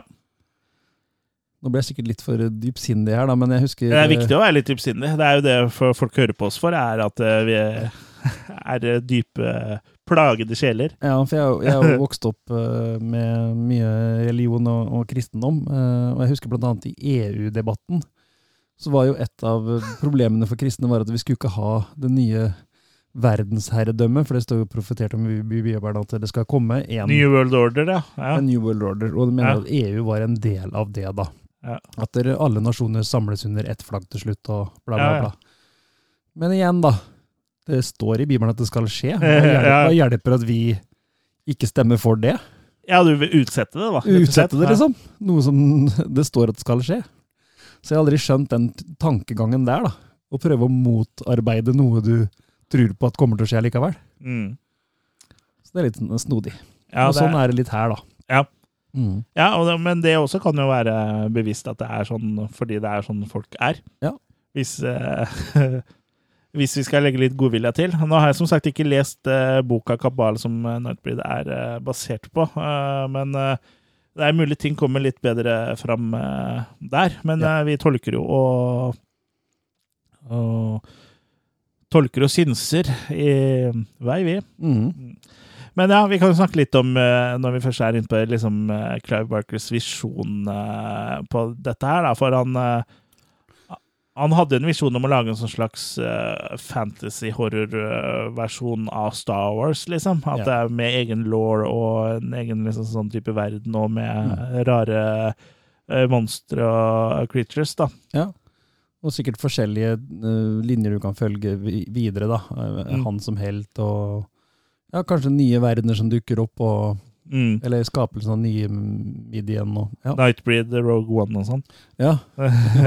ja, for han eh, det, det er i hvert fall det han sa sjøl, liksom, at det var hans visjon. Ja, og jeg vet ikke om det også det, var, det er vel en annen tittel Jeg vet ikke om det var snakk om at det var tittelen på den neste, eller om det var boka han hadde tenkt å skrive som en oppfølger, da. Jeg husker ikke hva tittelen var, men det, det sirkulerer en tittel som da skulle liksom være den neste delen av sagaen, da. Ja, riktig. Men så stoppa det. Ja, For det kom ikke noen flere bøker heller? Eh, Jeg tror ikke det. Etter suksessen med Etter suksessen med eh, filmen. Ja. Eh, for, han eh, ville jo egentlig lage en trilogi, så det, han var veldig inspirert av Star Wars her. Da, for det, blant annet, da, det fantes jo flere trilogier, men det er vel på en måte kanskje den trilogien som blir eh, mest naturlig å sammenligne med, da, i og med at han vil lage en sånn fantasy-type verden. Mm. Um, Ja, I hvert fall den gangen. I hvert fall Nå- den gangen. Ja. Nå finnes det kanskje noen fantasyfilmer, uh, trilogier, som er uh, Nærmere å sammenligne med, ja. Ja. Med en underverden, blant annet, og litt sånn. Ja. Mm. Uh, på en måte glad at Clive Worker ikke eh, tok de 11 millionene eller hva han hadde eh, til rådighet her og prøvde å lage eh, den trilogien. Men ja, det gikk jo ikke helt veien, da. Han Nei. fikk jo ikke kickstarta denne franchisen. Og han skal jo ha for forsøket, men jeg, jeg tenker kanskje sånn når jeg ser resultatet Vi har jo sett Directors Cut, forresten. Ja. Vi kan jo snakke om de forskjellige versjonene litt senere, men jeg tenker at han har prøvd å bite over litt for mye. altså. Ja, for det som er greia her, da, at øh, han, når han kom mm, på kino, altså den teatrical Det er forbudt å sitte og onanere i kinosalen. Nei. Oi, det var feil knapp. Ja ja, vi Jeg skulle ta den her. Nei, men uansett så, så skyldte jo han mye på studio, og det har jo sikkert noe for seg at de triksa og miksa og blant annet dubba over øh, Doug Bradley, og de gjorde en del sånne ting, da. Ja, og De fjerna jo blant annet alt øh, Susi Quattro hadde vist en rolle Sangerinnen Susi Quattro hadde vist en rolle i filmen. Ja. Som ble tatt bort helt, og Ja. Uh, og igjen det med traileren som så mer ut som en slasherfilm. Ja, den jo mot å vise monstrene i traileren. Ja, og det er eh, det er jo ikke noe tvil om at studio har blanda seg inn, for det har han jo sagt i etterkant også. Ja. Men eh, jeg, tror ikke det er sånn at Barker på en måte var motvillig mot eh, de endringene. For jeg har ikke lest noe om at han på en måte ble kasta ut, eller noe. Han var jo med her. Og han eh, eh, Men det, er jo sånn du føler jeg sikkert opplegget, at du, det er noe du må at du hører med til jobben. Altså, han gikk liksom ikke i protest. Men jeg vet jo at det ble filma noe ekstra scener etter eh, første testvisning og, Ja. sånn. Det er jo veldig vanlig at det Ja gjøres, da. Mm. Men jeg lurer på om det kanskje skjedde to ganger, og det tror jeg også Clive Barker var eh, involvert i. Så det er liksom vanskelig å vite hva, om hans visjon på en måte kun var eh, eh, på en måte mer uh, i retning av dette fantasy-universet med midjen og sånn, enn uh, han Decker som går rundt og dreper, da. Nå, ja. ja, Mm. nå hadde jo hjulpet om jeg hadde hatt lest Kabal og vi sett om han Decker er veldig fremtredende der. ja. Ja, for det aner jeg jo ikke. Men vi er jo ikke, en- jo ikke en podkast om bøker. Det, det sidesporet om det massemordgreiene er jo bare en femminutters sideplott i filmen. Ja, så um, Jeg vet jo ikke hvor, om det er med i boka i det hele tatt, eller om det på en måte uh, brukes mer tid på der. Men i hvert fall sånn filmmessig, da, så føler jeg sånn, uten å vite noe om kildematerialet, så føler jeg at man burde ha valgt enten-eller, da. At det blir litt eh, Ja, men hvis det står mer utførlig i boka om at han bruker pasientene sine Ja.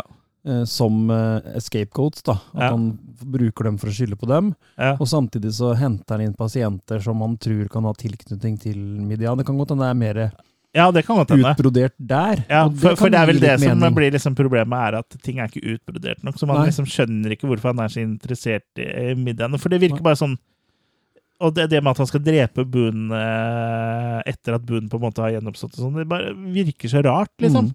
Eh, Ja, for det, det jo for, for sånn som jeg tolker det, Boone vet jo ikke at det er Deckel som er Så det er ikke noen grunn til å drepe ham. Med mindre du vet om det Midian-greiene. Altså det, det er jo det jeg mener, det er at liksom med de forutsetningene de hadde der, så kanskje det hadde vært bedre på en måte å holde seg til det ene eller det andre. Ja, ja. Men uh, I filmen, så. ja. Ja, i filmen, ja. Uh, men ja. eh, Nei, for, for, for da, som jeg sier, han, han kan jo skylde på studio. Sorry. Uh, og at theatrical cut ikke var hans visjon, da. ja. Uh, Men han, men han har jo han fått sjansen nå ja, til å gi ut sin egen versjon. Eh, Ja. Det har jo vært snakk om både den der lange kabal-cut, ja. som de har funnet nok materiale til å lage, og den er vel blitt vist på en, en eh, filmfestival et eller annet sted med VHS-innklipp og bla, bla, bla. Ja, det er vel en del av de Vi kan jo snakke litt mer om cutsa etterpå, men det er jo en del av de Det er mye av det materialet i det Kabal-cut som kun fortsatt eksisterer på VHS, da. Som er sånn grove klipper, egentlig. Ja. Eh, ja. Som aldri liksom har vært ment at uh, noen andre skal se en folk Nei. skal Nesten sånn screener hjemme for uh, filmfolka. Cleo Ja, Barker Ja, for, for produksjonsselskapet, Ja. liksom, for å Ja. se liksom hvilken vei vi skal ta, ta dette her, da. Eh, Men når han da fikk lage Director Cutten, så kan han jo spørre seg sjøl om det har hjulpet så jækla mye, da, kontra Theatrical Cut. Ja, uh, i hvert fall hvis han mener på en måte at uh, han hadde For hvis det er sånn at han mener at han hadde filma det materialet han på en måte trengte til sin visjon Mm. før studio blanda seg inn og de måtte gjøre reshoots og sånn, Mm. så ser jo fortsatt mye av de Midian-greiene jævlig cheesy ut. Så det er liksom uh, Ja.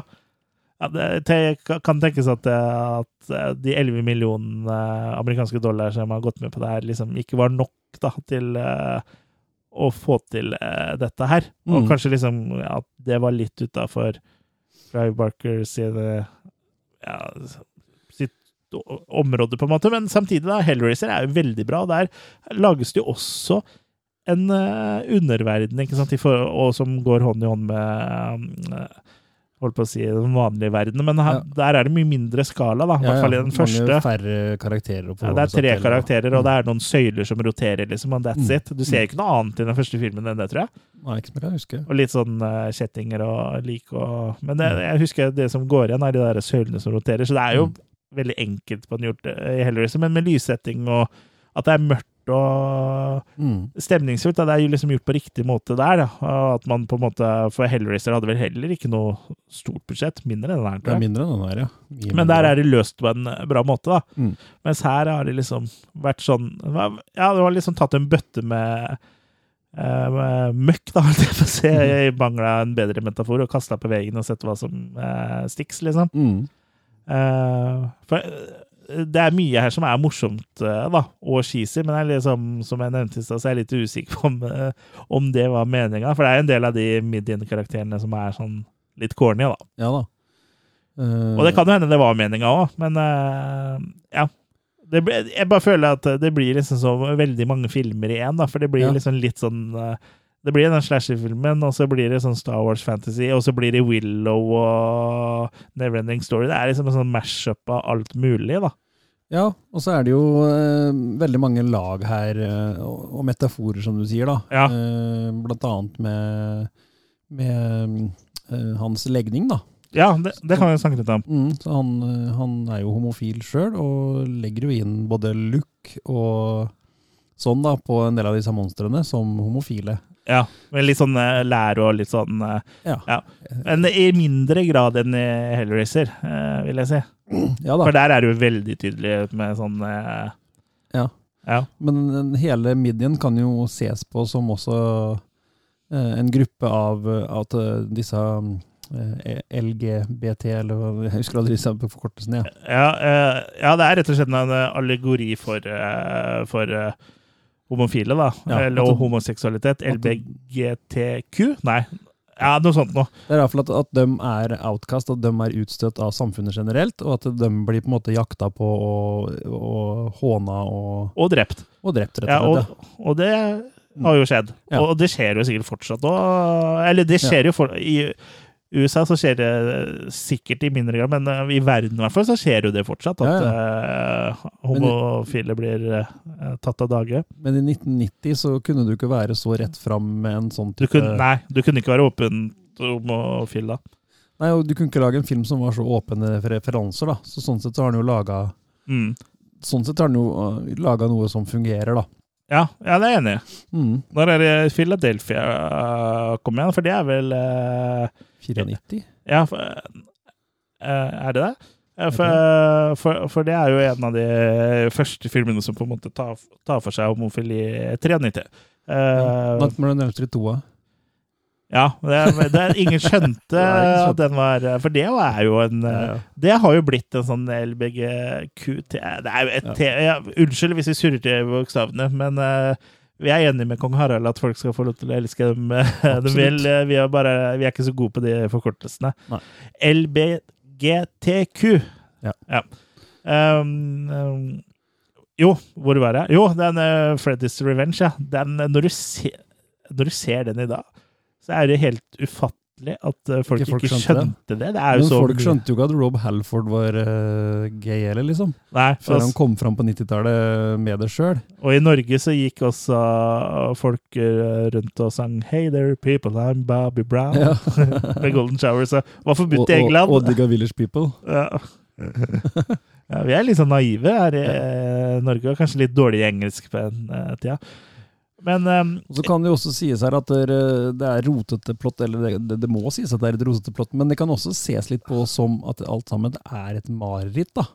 At- ja, ja, at- absolutt. Ja, og da funker det liksom litt sånn, for et, et mareritt er jo ikke logisk, det gir jo ikke nødvendigvis mening. Nei, men du må liksom legge litt godvilje til, Ja, og så må du litt. tenke litt på det og lese litt om filmen. og sånn. Da blir den liksom litt bedre enn den kanskje Ja, for, på en ja, måte er. det, er Men det. eh, det er ikke sikkert det var tenkt sånn, men, men er, det starter, hele starter med at Iron har mareritt om midjen. ja, og det, det marerittsekvensen er jo ganske kul, selv om Ja. den også er litt sånn cheesy. Men det er sånn det på- er på en måte sånn bra sånn 80s-cheese når de står og danser utafor den der Og der er jo hun der eh, pinnsvindama driver og gnikker. Alle scenene med henne er bra.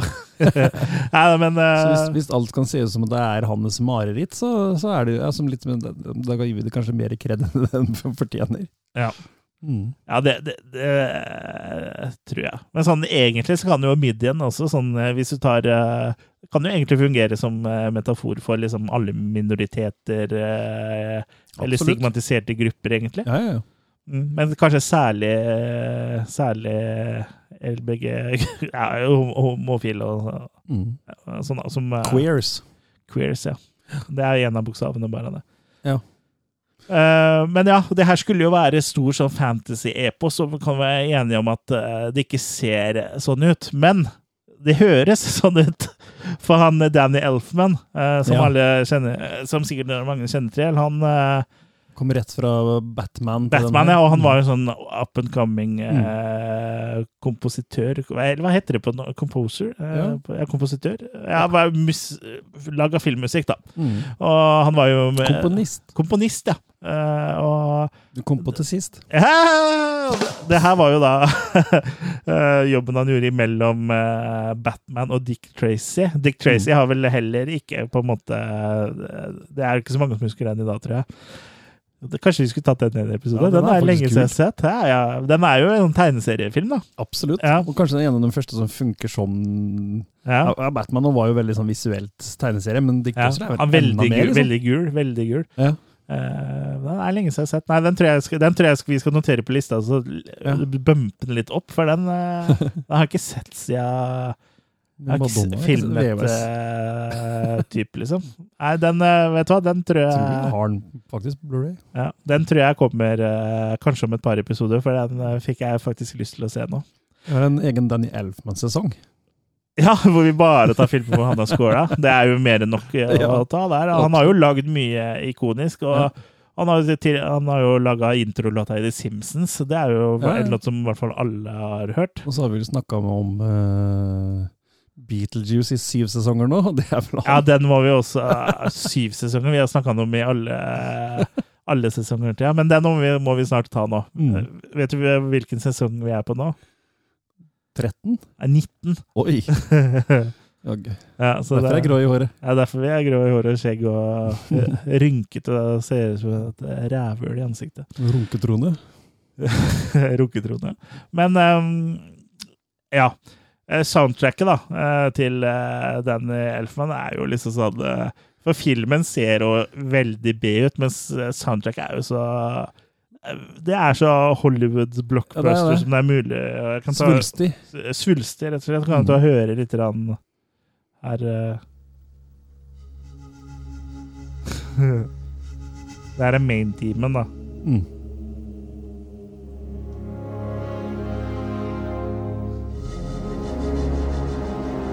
Det er litt sånn Batman, men med sånn uh, Panfløyte. Panfløyte, ja. Pan er jo en mytologisk figur. ja Peter, Peter tenker du på? Nei, Pan generelt òg. Ja, ja. Mm. Panseksuell. ja. Men ja.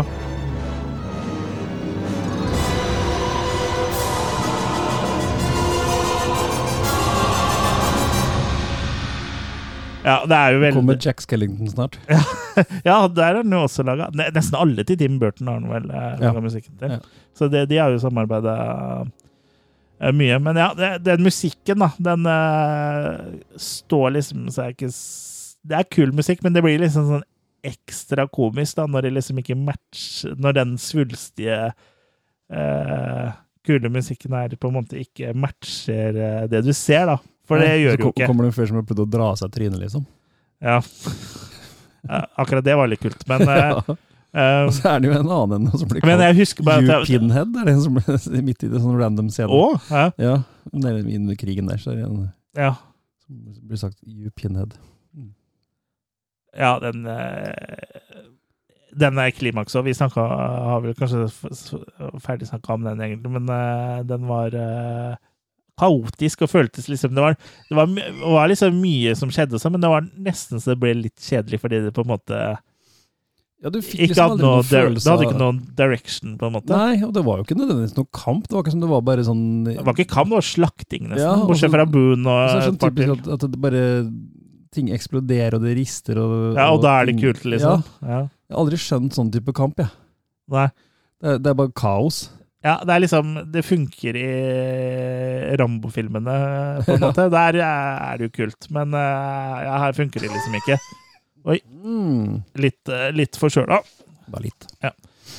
Men ja, det funker jo liksom ikke helt sånn eh, Jeg husker også det var et, en sånn overgang hvor det var liksom så veldig sånn eh, Hvor du ser for deg sånne store eh, bilder liksom filma med helikopter eller drone. Drone hadde de jo ikke da, med helikopter og sånn store. Så var det bare sånn der, et par sånn dårlige close-ups, Mm. eh, overgang til ny scene, og så den musikken over. eh, Mm. Det, det tilfører eh, litt sånn ekstra komikk, da. Mm. Eh, men ja, eh, eh, soundtracket er bra, det. Ja da. Ja, Separat.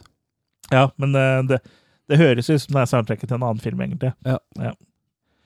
Men ja eh, Det hjalp jo liksom ikke så veldig Vi kan jo snakke litt om uh, hvordan filmen ble mottatt i 1990. For Ja. som vi nevnte, så var det jo lite backing fra studio å få her. Ja, det var jo det, og, og den fikk vel litt sånn mixed reviews, men med litt sånn hovedvekt på litt negativt, vel. At ja, rett og slett at folk ikke helt catcha hva det her var, da. Ja, og apropos reviews, så ville de jo ikke la anmeldere se den før premiere, eller? Nei, de mente jo at den type film, det var Eller folk som så den type film, de leste ikke anmeldelser, så det var ikke noe vits i å sende Nei. til reviews. Nei, altså var det heller ikke noe særlig markedsføring, så det var veldig lite hype rundt uh, Nightbreed, uh, rett og slett, da den debuterte på kino i 1990. Nå driver Kurtus og fisker opp uh, sånn ølbrikker og halspastiller fra gulvet her. Ja. Ja. Iført en uh, rød, frekk neglisjé, um, men ja, Nightbreed uh, floppa jo egentlig ganske greit da den kom, da, og dro inn skarve 16 millioner dollar uh, worldwide. Uh, Budsjettet var på 11 millioner. Så den tjente jo inn det, da, men den tjente kanskje for lite i forhold til det de eh, eh, så for seg, da. Ja, men det, men det er jo sånn typisk sånn studioting å gjøre, det òg. At vi vil gjerne tjene penger, Ja. men vi skal ikke følge visjonen til han vi har ansatt for å tjene penger for oss. Og vi skal hvert Ja, det, er fordi de ikke tror at eh, de kan At, at de ikke tjener penger på den visjonen, men hvorfor uh, gikk de inn for det Ja. i utgangspunktet? Men det, det er på en måte at de kanskje ikke skjønte hva de gikk til. Da. Men for- du vet åssen det er, sjefene blir nervøse, og så må de på en måte kjøre det safe. Ja. Men uh, ja. Eh, film, Hollywood eh, og pengegreier er veldig merkelig. For det er jo sånn Mm. uh, Uansett hvor suksessfull en uh, film på en måte er, og den Jeg har ikke helt skjønt det opplegget, men jeg har liksom hørt litt og lest litt om det siste, at det er en sånn slags utgiftsføring som fortsetter og fortsetter på filmen. Så hvis en film har én million dollar i budsjett, da, så kan han ha tjent inn liksom 200 millioner, og så fortsatt så går den i minus, på en måte. Så bare utgiftsfører de andre ting på den. eller Hva er greia der? Jeg tror jeg hørte han eh, Tom Holland eh, snakke litt om det. Mm. Eh, For sånn, sånn Child's Play liksom er fortsatt en film som ikke har tjent penger sånn sett, da. Så han har ikke fått så mye betalt for den. Så det er liksom Er det mulig, liksom? Du kan føre utgifter så Ja, lang at det liksom er Det koster det og det å lage den, men så kommer promotion i etterkant, og så kommer opptrykk av merch, eller så kommer opptrykk av fysiske Men, medier. men at det liksom fortsetter Mm. en dag i dag, da. Ja, det Og så, det, ja. Men uh, det er jo Det er vel det, at de er opptatt på å tjene penger, og ikke nødvendigvis være uh, grei mot uh, uh, Ja, kunstneren. Holdt det var sånn typisk 80-tallet òg. De gjorde veldig mye det med musikk òg. Hvis et band f.eks. fikk anerkjennelse, så ble de signa til et stort selskap, og så prøvde det selskapet å endre dem til å lage radiohits. Ja. Men det er ikke derfor de ble populære. De ble Nei, populære nei, for nei. de lagde akkurat den musikken de lagde. liksom. Mm. La dem fortsette med det. Ja. Nei, det er Merkelig business. Ja. Og så hvis de da fikk dem til å prøve å lage radiohits, da, og, og det ikke funka, Ja, så var det deres feil. ja, da ble du droppa igjen, liksom. Ja. Mm. Ja. Men uh, Clive Barker kunne i hvert fall vinke adjø til hans store visjon om å lage horrorfilmenes Star Wars, da, så det ble, ble dårlig med oppfølgere. Men Ja. uh, det kom en tegneserie da, eh, i 92 mm. Nei, ikke 92, men sånn rett rundt da filmen kom, egentlig. Mm. Og der, den fulgte visstnok originalmanuset litt nærmere, da. Ja. Jeg har aldri lest noen av den tegneserien, men den ble utgitt 25 eh, nummer da, av den. Mm. Og historien gikk jo da forbi, forbi det vi får se i filmen, da. Mm. Uh, men eh, som sagt, ikke, kjenner ikke til den, men den var skrevet av Alan Grant, da, som uh, han har jeg hørt om før. Ja. Og han har skrevet blant annet Judge Dredd og Batman-historier og sånn, da. Ja, apropos um, teg tegneserier. Mm. Neil Gaiman har jo en bitte liten rolle ukreditert i filmen, Ja. som heter monster eller et eller annet sånt, tror jeg. Ja. Så det var jo sånn i den verden her. Ja, og der, og han kom jo nylig med Uh, Mr. Sandman. ja, det, det, Sandman, eh, som er på Netflix, som Mm. kanskje er litt mer vellykka fantasy-adopsjon igjen. Mm. Eh, men tegneserien dukka også opp i Eller Nightbreed dukka også opp i tegneserieformat igjen eh, i, i en veldig sånn kort historie i 92, og så ble det en sånn miniserie på tolv nummer i 2014-2015. Ja, så Så den ja. hadde en sånn revival da, og så er det jo snakk om at det skal være en TV-serie og sånt som er under utvikling. Ja. Og det siste som eh, er skrevet eh, om den, eller som siste nyheten er, er at den var i 2018 under utvikling hos Sci-Fi. Oi. Ja, Yikes. Eh, Men ja, altså på eh, 1990 så kom det også to spill da til PC og Amiga, som Ja, det ene har jo jeg, faktisk. Det kan dere sikkert se på bildet som vi legger ut på Facebook eh, etter vi har spilt inn denne episoden. Mm. Uh, og det var da to spill. Eh, et sånn eh, litt actionorientert sidescroller-spill. Og et som de da kalte for en interactive movie, som er det du har. Som er litt mer sånn pek og klikk, adventure-aktig spill. Å Mm. kalle det en interactive movie, i hvert fall sett med dagens øyne, er jo å overdrive. For det er ikke sånn at du tror at dette her er en interaktiv film. Nei. Men ja, Nightbreed, som mange andre filmer Den ble jo ikke noe suksess da den ble gitt ut, det har vi jo konstatert. Men som mange andre filmer så fant den jo etter hvert sitt publikum, da. Og den har jo uten tvil blitt en eh, kultfilm. Alle de menneskene som ikke leser reviews, de fant den til slutt. Ja, de fant den til slutt. Og etter hvert som den har fått en following også, så har det jo også dukka opp mer materiale, og etter hvert også dukka opp flere cuts av filmen, da. Så Mm. Da kan vi jo snakke litt om eh, de forskjellige cuts her, for Nightbreed er jo en av disse filmene som da har 1000 forskjellige cuts, da. Ja, det er jo rett og slett fordi at eh, visjonen hans i seg sjøl var jo veldig grandios, og han filma jo mye mer enn Respekt for Grandiosa! det som ja. Så han filma jo mye mer enn det som ble med, så han måtte jo klippe ned og klippe ned og klippe ned. Eh, og ikke nok med det, men eh, når filmen da hadde eh, såkalte screenings, så var- det jo testpublikum og sånn som ikke likte det og ikke likte det, så da måtte de endre på ditt og endre på datt. Mm. Så det endte jo opp med veldig mye veldig mye materiell å ta av, da. Ja. Og samtidig som eh, studio gjorde sitt for å endre på ting. Ja. Eh, sånn at det- den som kom på kino til slutt, den theatrical cutten ja, i 1990. ja, Vi kan jo gå litt sånn kronologisk gjennom disse her. Ja.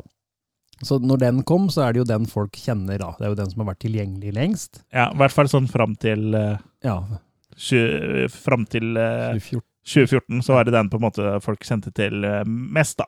Bortsett fra de mest hardcore folka, da. Ja, og så har det har alltid vært myten om eh, en lengre versjon, da. Mm. eh, som de har trodd eh, var lost, da. Ja.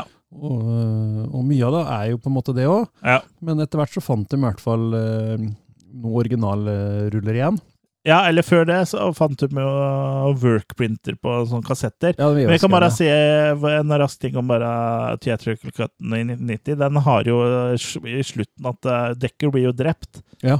I, alle versjoner av fi- filmen, egentlig. Gjennom hommage til, til The Thing, holdt jeg på å si. Eh, Men i, i slutten av theatrical eh, cutten så våkner han jo til live igjen, liksom. Så, som en fullblods eh, slasher vil han selvfølgelig skal gjøre. Så det er liksom sånne ekstra ting som er Mm. sånn for å bygge opp under det at du de vil ha en slasherfilm, da. For han liksom spretter opp av det, er liksom han som er eh, Ja. Ja. Da er Decker's back, liksom. Mm. Men ja, som du sa, i 2009 så ble det funnet en workprint på noen sånne PAL-VHS-kassetter, da. Mm. Og den versjonen kalte de da eh, Horrorhound Workprint Screening. Jeg tror det er en Ja, den ble vist på en festival, da. Et firma, ja. ja. Mm. Og den var veldig eh, grov, da. Mm. Og ikke sånn eh, innholdsmessig, men sånn grovt klippa, liksom. Og så eh, var liksom ufullstendig. Og hadde blant annet uh, var det scener som kom igjen i eh, Ja, kom flere ganger. og og mangla lyd og sånn. Altså, det her var liksom noe som var for de mest hardcore fansa, da. Men det ble, Mm. som sånn, du sa, vist på festival, da. Mm. Og så dukka det opp flere eh, Den Theatrical Cut kom jo på DVD etter hvert. Mm. Og så mm, dukka det jo også opp flere workprint-kassetter eh, etter hvert, da. Det eh, Fra ja, fram til 2014 så kom det jo hele syv versjoner, som de kalte Kaba- Kabal Cut, da. Mm. Eh, hvor det da stadig kom nye versjoner som ble vist på festivaler, da, ettersom de oppdaga nye VHS-kassetter Ja. med materiale. Så var det vel én versjon som Clive Barker satte seg ned og lagde sjøl og solgte fra websida si, tror jeg. på Ja. Mm. Ja, eh, eh, er det den eh, Serafim-utgaven, tro? Ja, den ble vel også kalt Kabal-cut, den nå, tror jeg. Ja, det er, eneste offisielle. ja, det er den eneste offisielle kabalcutten med HD-materiale. da. Ja. Så der har du jo liksom HD, som er da fra 2014-versjonen av Nightbreed, som vi har sett. da. Mm. Eh, men med da VHS-inserts, da, så det Mm. er sikkert ikke så veldig kult å sitte og se på. Og den her, den uh, som Serafim ga ut, uh, som jeg tror er Clive Barkers uh, firma, er veldig vanskelig, eh, eller umulig, å få tak i, ekstremt sjelden, da. Mm. Men eh, For tanken var at han skulle gi ut den egentlig, Ja. på, på et litt sånn ordentlig greie. Ja. Men så kom Shout Factory på banen, da. Ja, for i 2014 så ga de da ut Nightbreed på Blu-ray.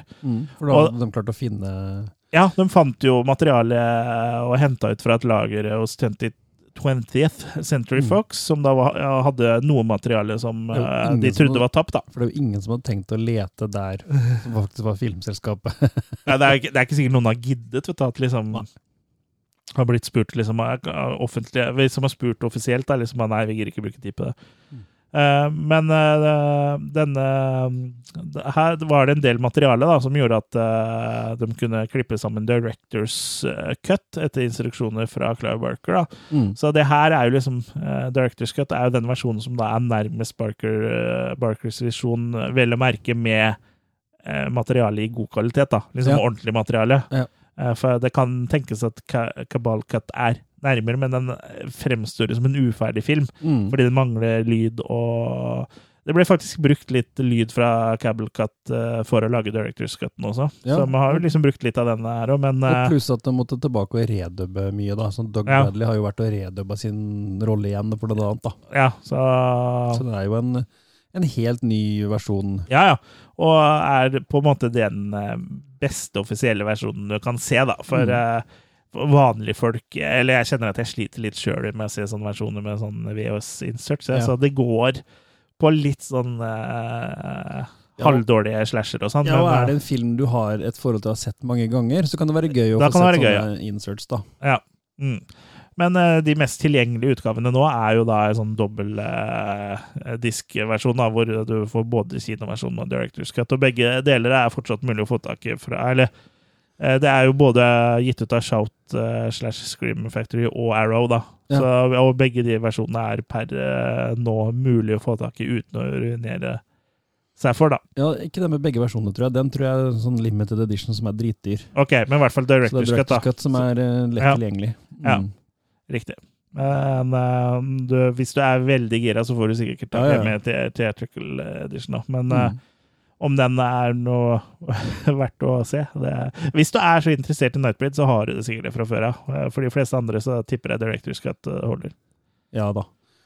Men jeg lurer litt på om den der kabalkatt om den uh, inneholdt uh, Susi Quatro-scenen og sånn. Det har jeg ikke lest noe om, det har jeg ikke funnet ut av. Nei. Nei, det er liksom uh, Sliter litt med å finne nok om eh, det. Og det, det, når det var liksom syv i Kabal så, er det jo vanskelig å Ja, Det er et sammensurium der, altså. Ja, det er vel en av de filmene som kanskje er mest eh, sammensurium av eh, av klipp. Men på en måte, sånn her er det jo sikkert med mange andre filmer, ja, men eh, de arbeidskopiene kommer jo gjerne ikke for offentligheten. Så det her er jo sikkert sånn type sånn ja, grovklipp versjon 1, versjon 2, versjon 3, men det er Mm. liksom, ting har ikke vært ferdig, og det er, sånn er det jo med alt. Det er jo sikkert, ja. Før du ser en ferdig film på kino, så har det sikkert vært 40 versjoner av den, ikke Ja, sant? Og før og etter testscreenings og sånne ting, som du sier. Da. Ja, ja. ja. Så mm, eh, Men ja. Vi kan jo ta også evaluere litt, kanskje. Ja. Eh, jeg kan begynne litt. Jeg, jeg, jeg tror vi liksom på en måte har vært igjennom det mye sånn at nå kan vi liksom begynne å runde av og fortelle hva vi syns. Ja. Noe- noen har kanskje på en måte skjønt litt allerede. Eh, jeg syns eh, Nightbreed er en helt grei film, ja, altså. Eh, eh, jeg liker på en måte tanken bak den. Jeg liker at den har mange forskjellige lag. Jeg liker det litt sånn marerittaktige preget her. Ja. At du kan sitte og lure litt på ja, hva er det her egentlig, liksom? Er det fantasy, eller er det Is this real life, or is this fantasy? Jeg liker metaforene på at det kan være ja, alle typer outcasts, men Mm. i spesifikt i Clive Barker sin rolle, så er det mest sannsynlig også da veldig nådd til uh, hans egen Legning. legning. Ja. Ja. Eh, så jeg liker mye av det. Jeg liker mye av looken på monstra. Jeg liker at de har brukt eh, mye selvfølgelig practical effects. Det var jo ikke så mye annet Mm. å velge den gangen. Nei. Selv om det var bare tre år før eh, Jurassic Park, dette her, da. Men Ja. eh, de hadde jo ikke det budsjettet, da. Eh, 11 millioner hadde ikke vært nok til tåa til den eh, T-rexen. men jeg syns jo selvfølgelig også at han har bitt over altfor mye. Altfor mye. Ja, det, det kan ikke være noen som er uenig i det. Nei, og hvis han skulle da lage en trilogi, da, så kunne han vel tatt det litt mer med ro, og ikke prøvd å gjøre alt på en gang. Da kunne han faktisk brukt tid da på å utvikle karakterer. Han kunne brukt tid til å utvikle eh, en, eh, en verden der, da. Ja.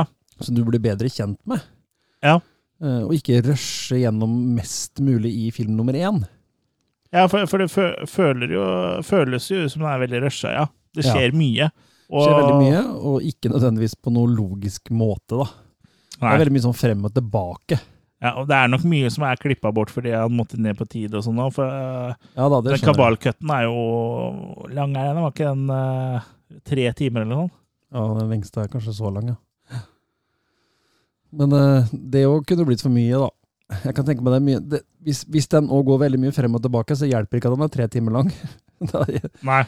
Det må være innhold, det òg. Det må være Ja, det er i hvert fall, det er i hvert fall mye motivasjon da, som eh, mangler her. 145 minutter er kabalkutt, så det er ikke fullt uh, tre timer. da. Det er, eh, to og en halv. Ja. Ish. Ja. Nei da, så, så det er liksom litt sånn close but no cigar her, da, Ja. inni bildet.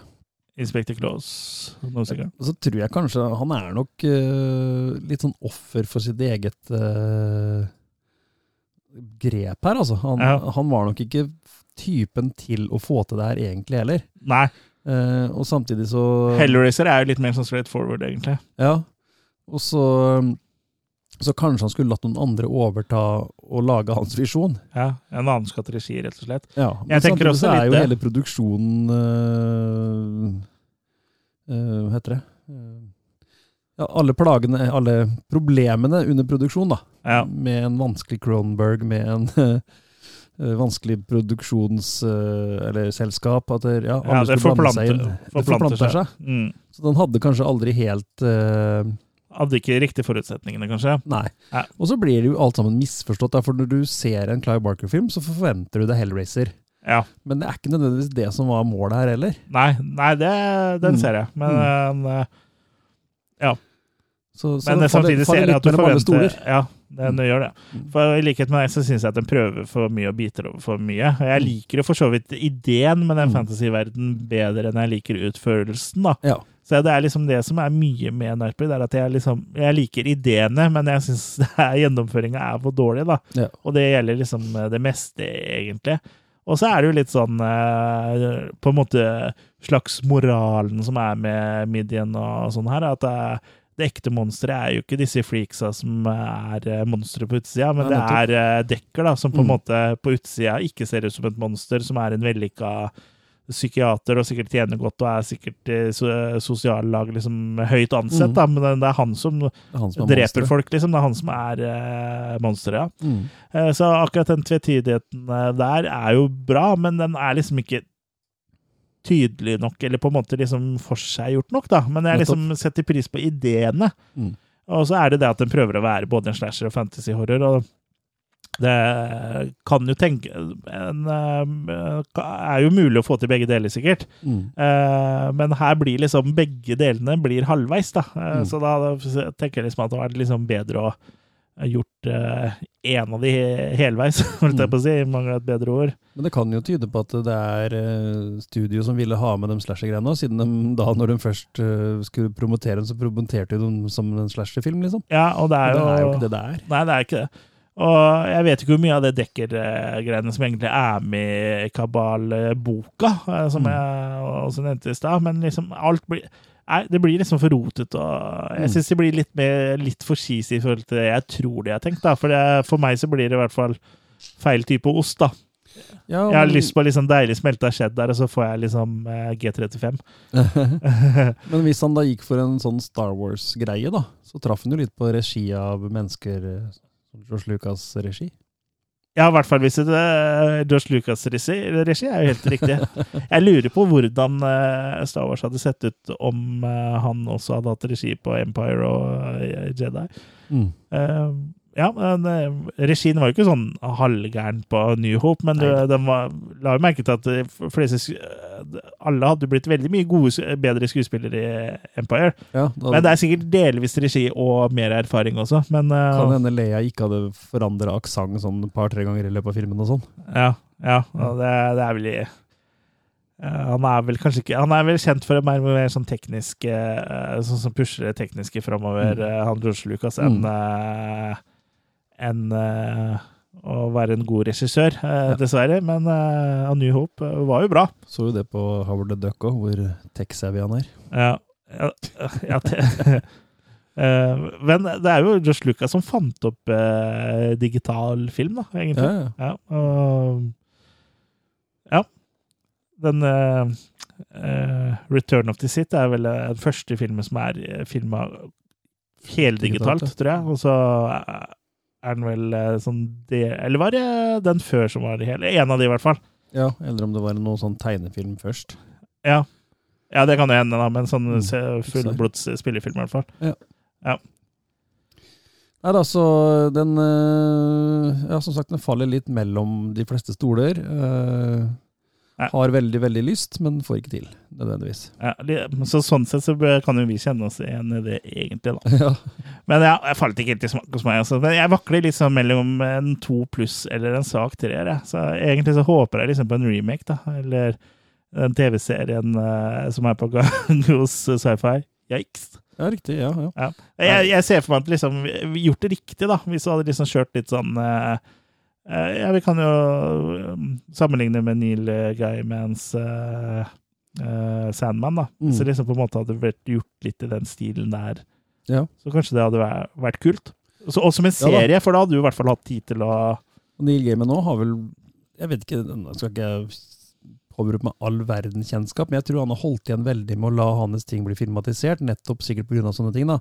At han har venta til at det kunne lages på en ordentlig måte Ja, kan som han kan tenkes. være tilfreds med. da. Ja. Mm. Good Omens er en serie som han har eh, skrevet sammen med Terry Pratchett, tror jeg. Eller om det er bøker i utgangspunktet, jeg er litt usikker. Men det, den er jo ganske artig, da. Mm.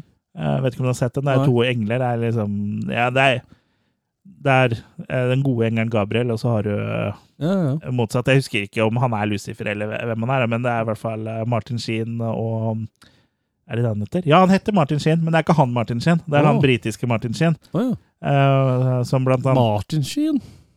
Martin Sheen og David Tennant, eh, som spiller uh, i den. da. Den, er, den er på Prime, tror jeg. Mm. Den er verdt å sjekke ut. Den er veldig, veldig kul. Mm. Uh, men ja uh, Ja. vakler mellom terning sterk toer. Jeg tror det blir en sterk toer. Altså. Kanskje svak treer på en god dag. Det er såpass, ja. ja. Ja, det var ikke helt uh... Nei, jeg er oppe på en uh, Sju. sjuer, ja. ja. Nei da. Det må nok bli ned på tretallet her òg, men Ja. eh, for meg så er det en sterk treer, Også. Ja, men det kan, det kan hende en sterk treer, ja. Det kan jo hende den ekstra øyet på terningen også har noe med nostalgi eller et eller annet at du har et forhold til den fra før av, for det har jo ikke jeg. Nei, og det var litt sånn rart å få se den director cutten nå, så, men sånn er jo jeg da. Jeg klarer ikke helt å se den store forskjellen fra Nei. Husker den store forskjellen fra theatrical til director's cut, eller? Nei, men så er det jo sikkert eh, 20 år imellom her, da. Ja, ja. Vi, Kanskje- og vi mer, leste jo også scener som visstnok da ikke var med i den versjonen jeg har sett før, og som jeg mener at jeg husker jeg har sett, så det er litt Ja. merkelig. Ja, det kan jo hende du har sett Directors Cut eh, imellom eh, Filmnett og, og at du på en måte har glemt det, da. Kan ikke huske at jeg har tatt noe Nei. gjensyn med den, altså, for den kom jo ikke, så det er jo ikke så lenge siden den kom. Nei. Så jeg har hatt den, jeg har hatt den på Blu-ray nå, jeg har jo det, men Ja. Ja. Nei, uansett. Eh, Du, du får ringe til Clive og så krangle. ja, han- jeg har faktisk ringt live før, jeg. Har du det?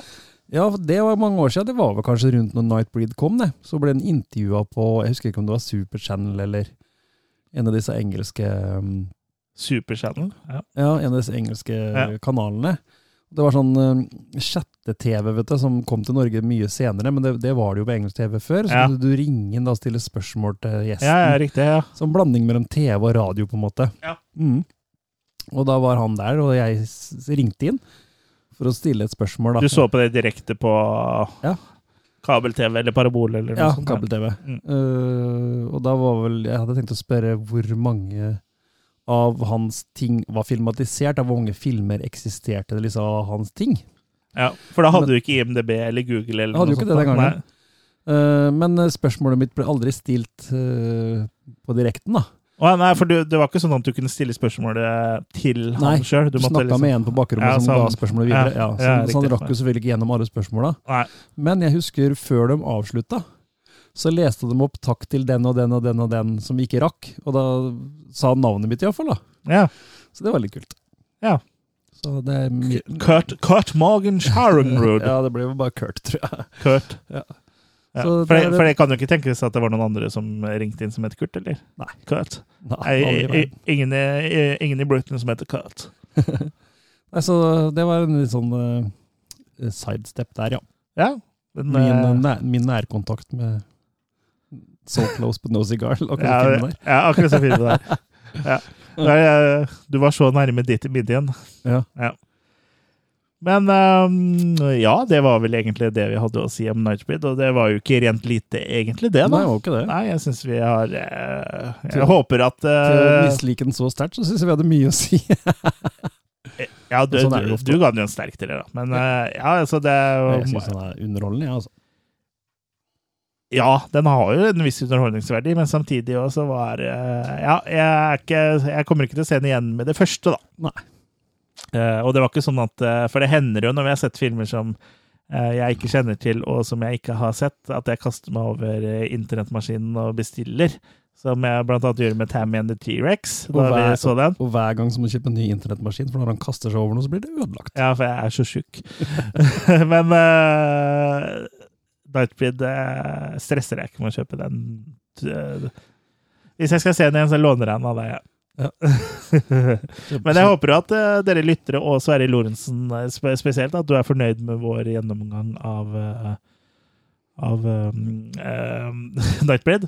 Mm. Jeg er litt spent på også, eh, Sverre. Du kan jo se, ta kontakt med oss og gi ditt eh, terningkast og din vurdering. da skulle vi hatt nattfødt på norsk, nei, vet du. Ja, nattfødt. Eh, nattfolk. Ja. Nattrase. Ja, natterase. Ja. Nattbreed betyr jo også å, formere seg. Kommer jo dere Siv Stubben. Her er natt. Ja. Natterase. Husker de hadde jo det på Kjærlighet uten grenser.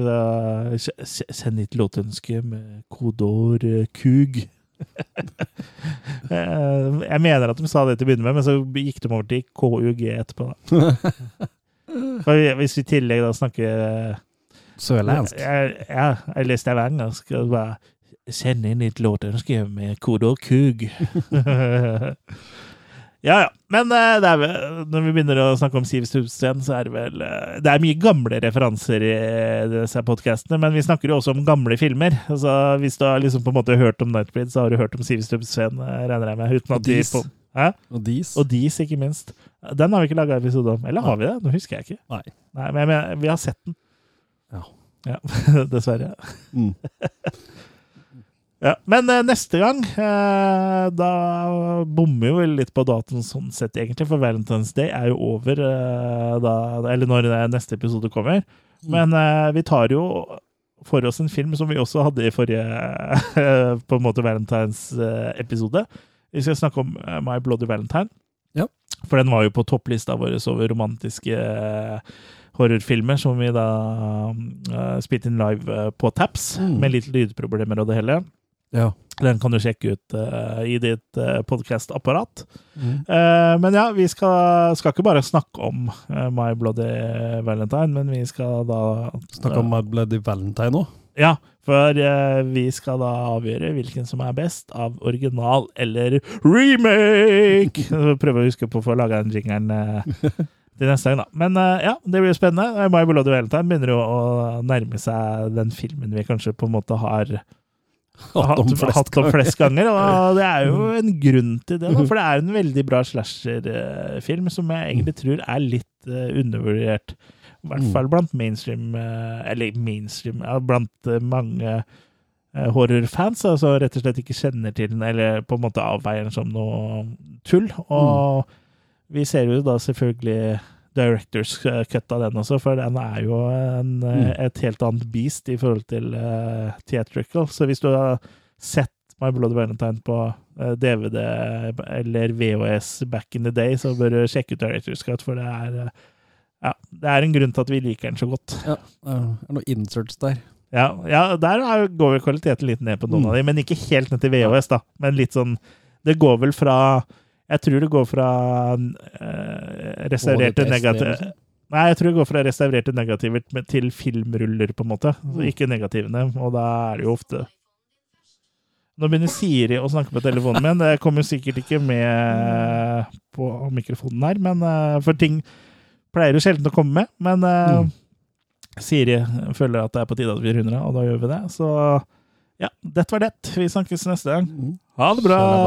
Eller ja, vi må jo si hvor folk kan følge oss. Si det fort. eh, Kurt. På Spotify, Ja, eh, du, du hører oss der du hører podkast. Facebook. Facebook har vi jo en eh, offisiell side, og så har vi Losers. Club, eh, som er et community. Så er vi på YouTube innimellom. Ja. Og, og Instagram. Ja, følg oss eh, der. Og som vi sier, følg oss også på gata hvis du ser oss her. OK, ha det bra!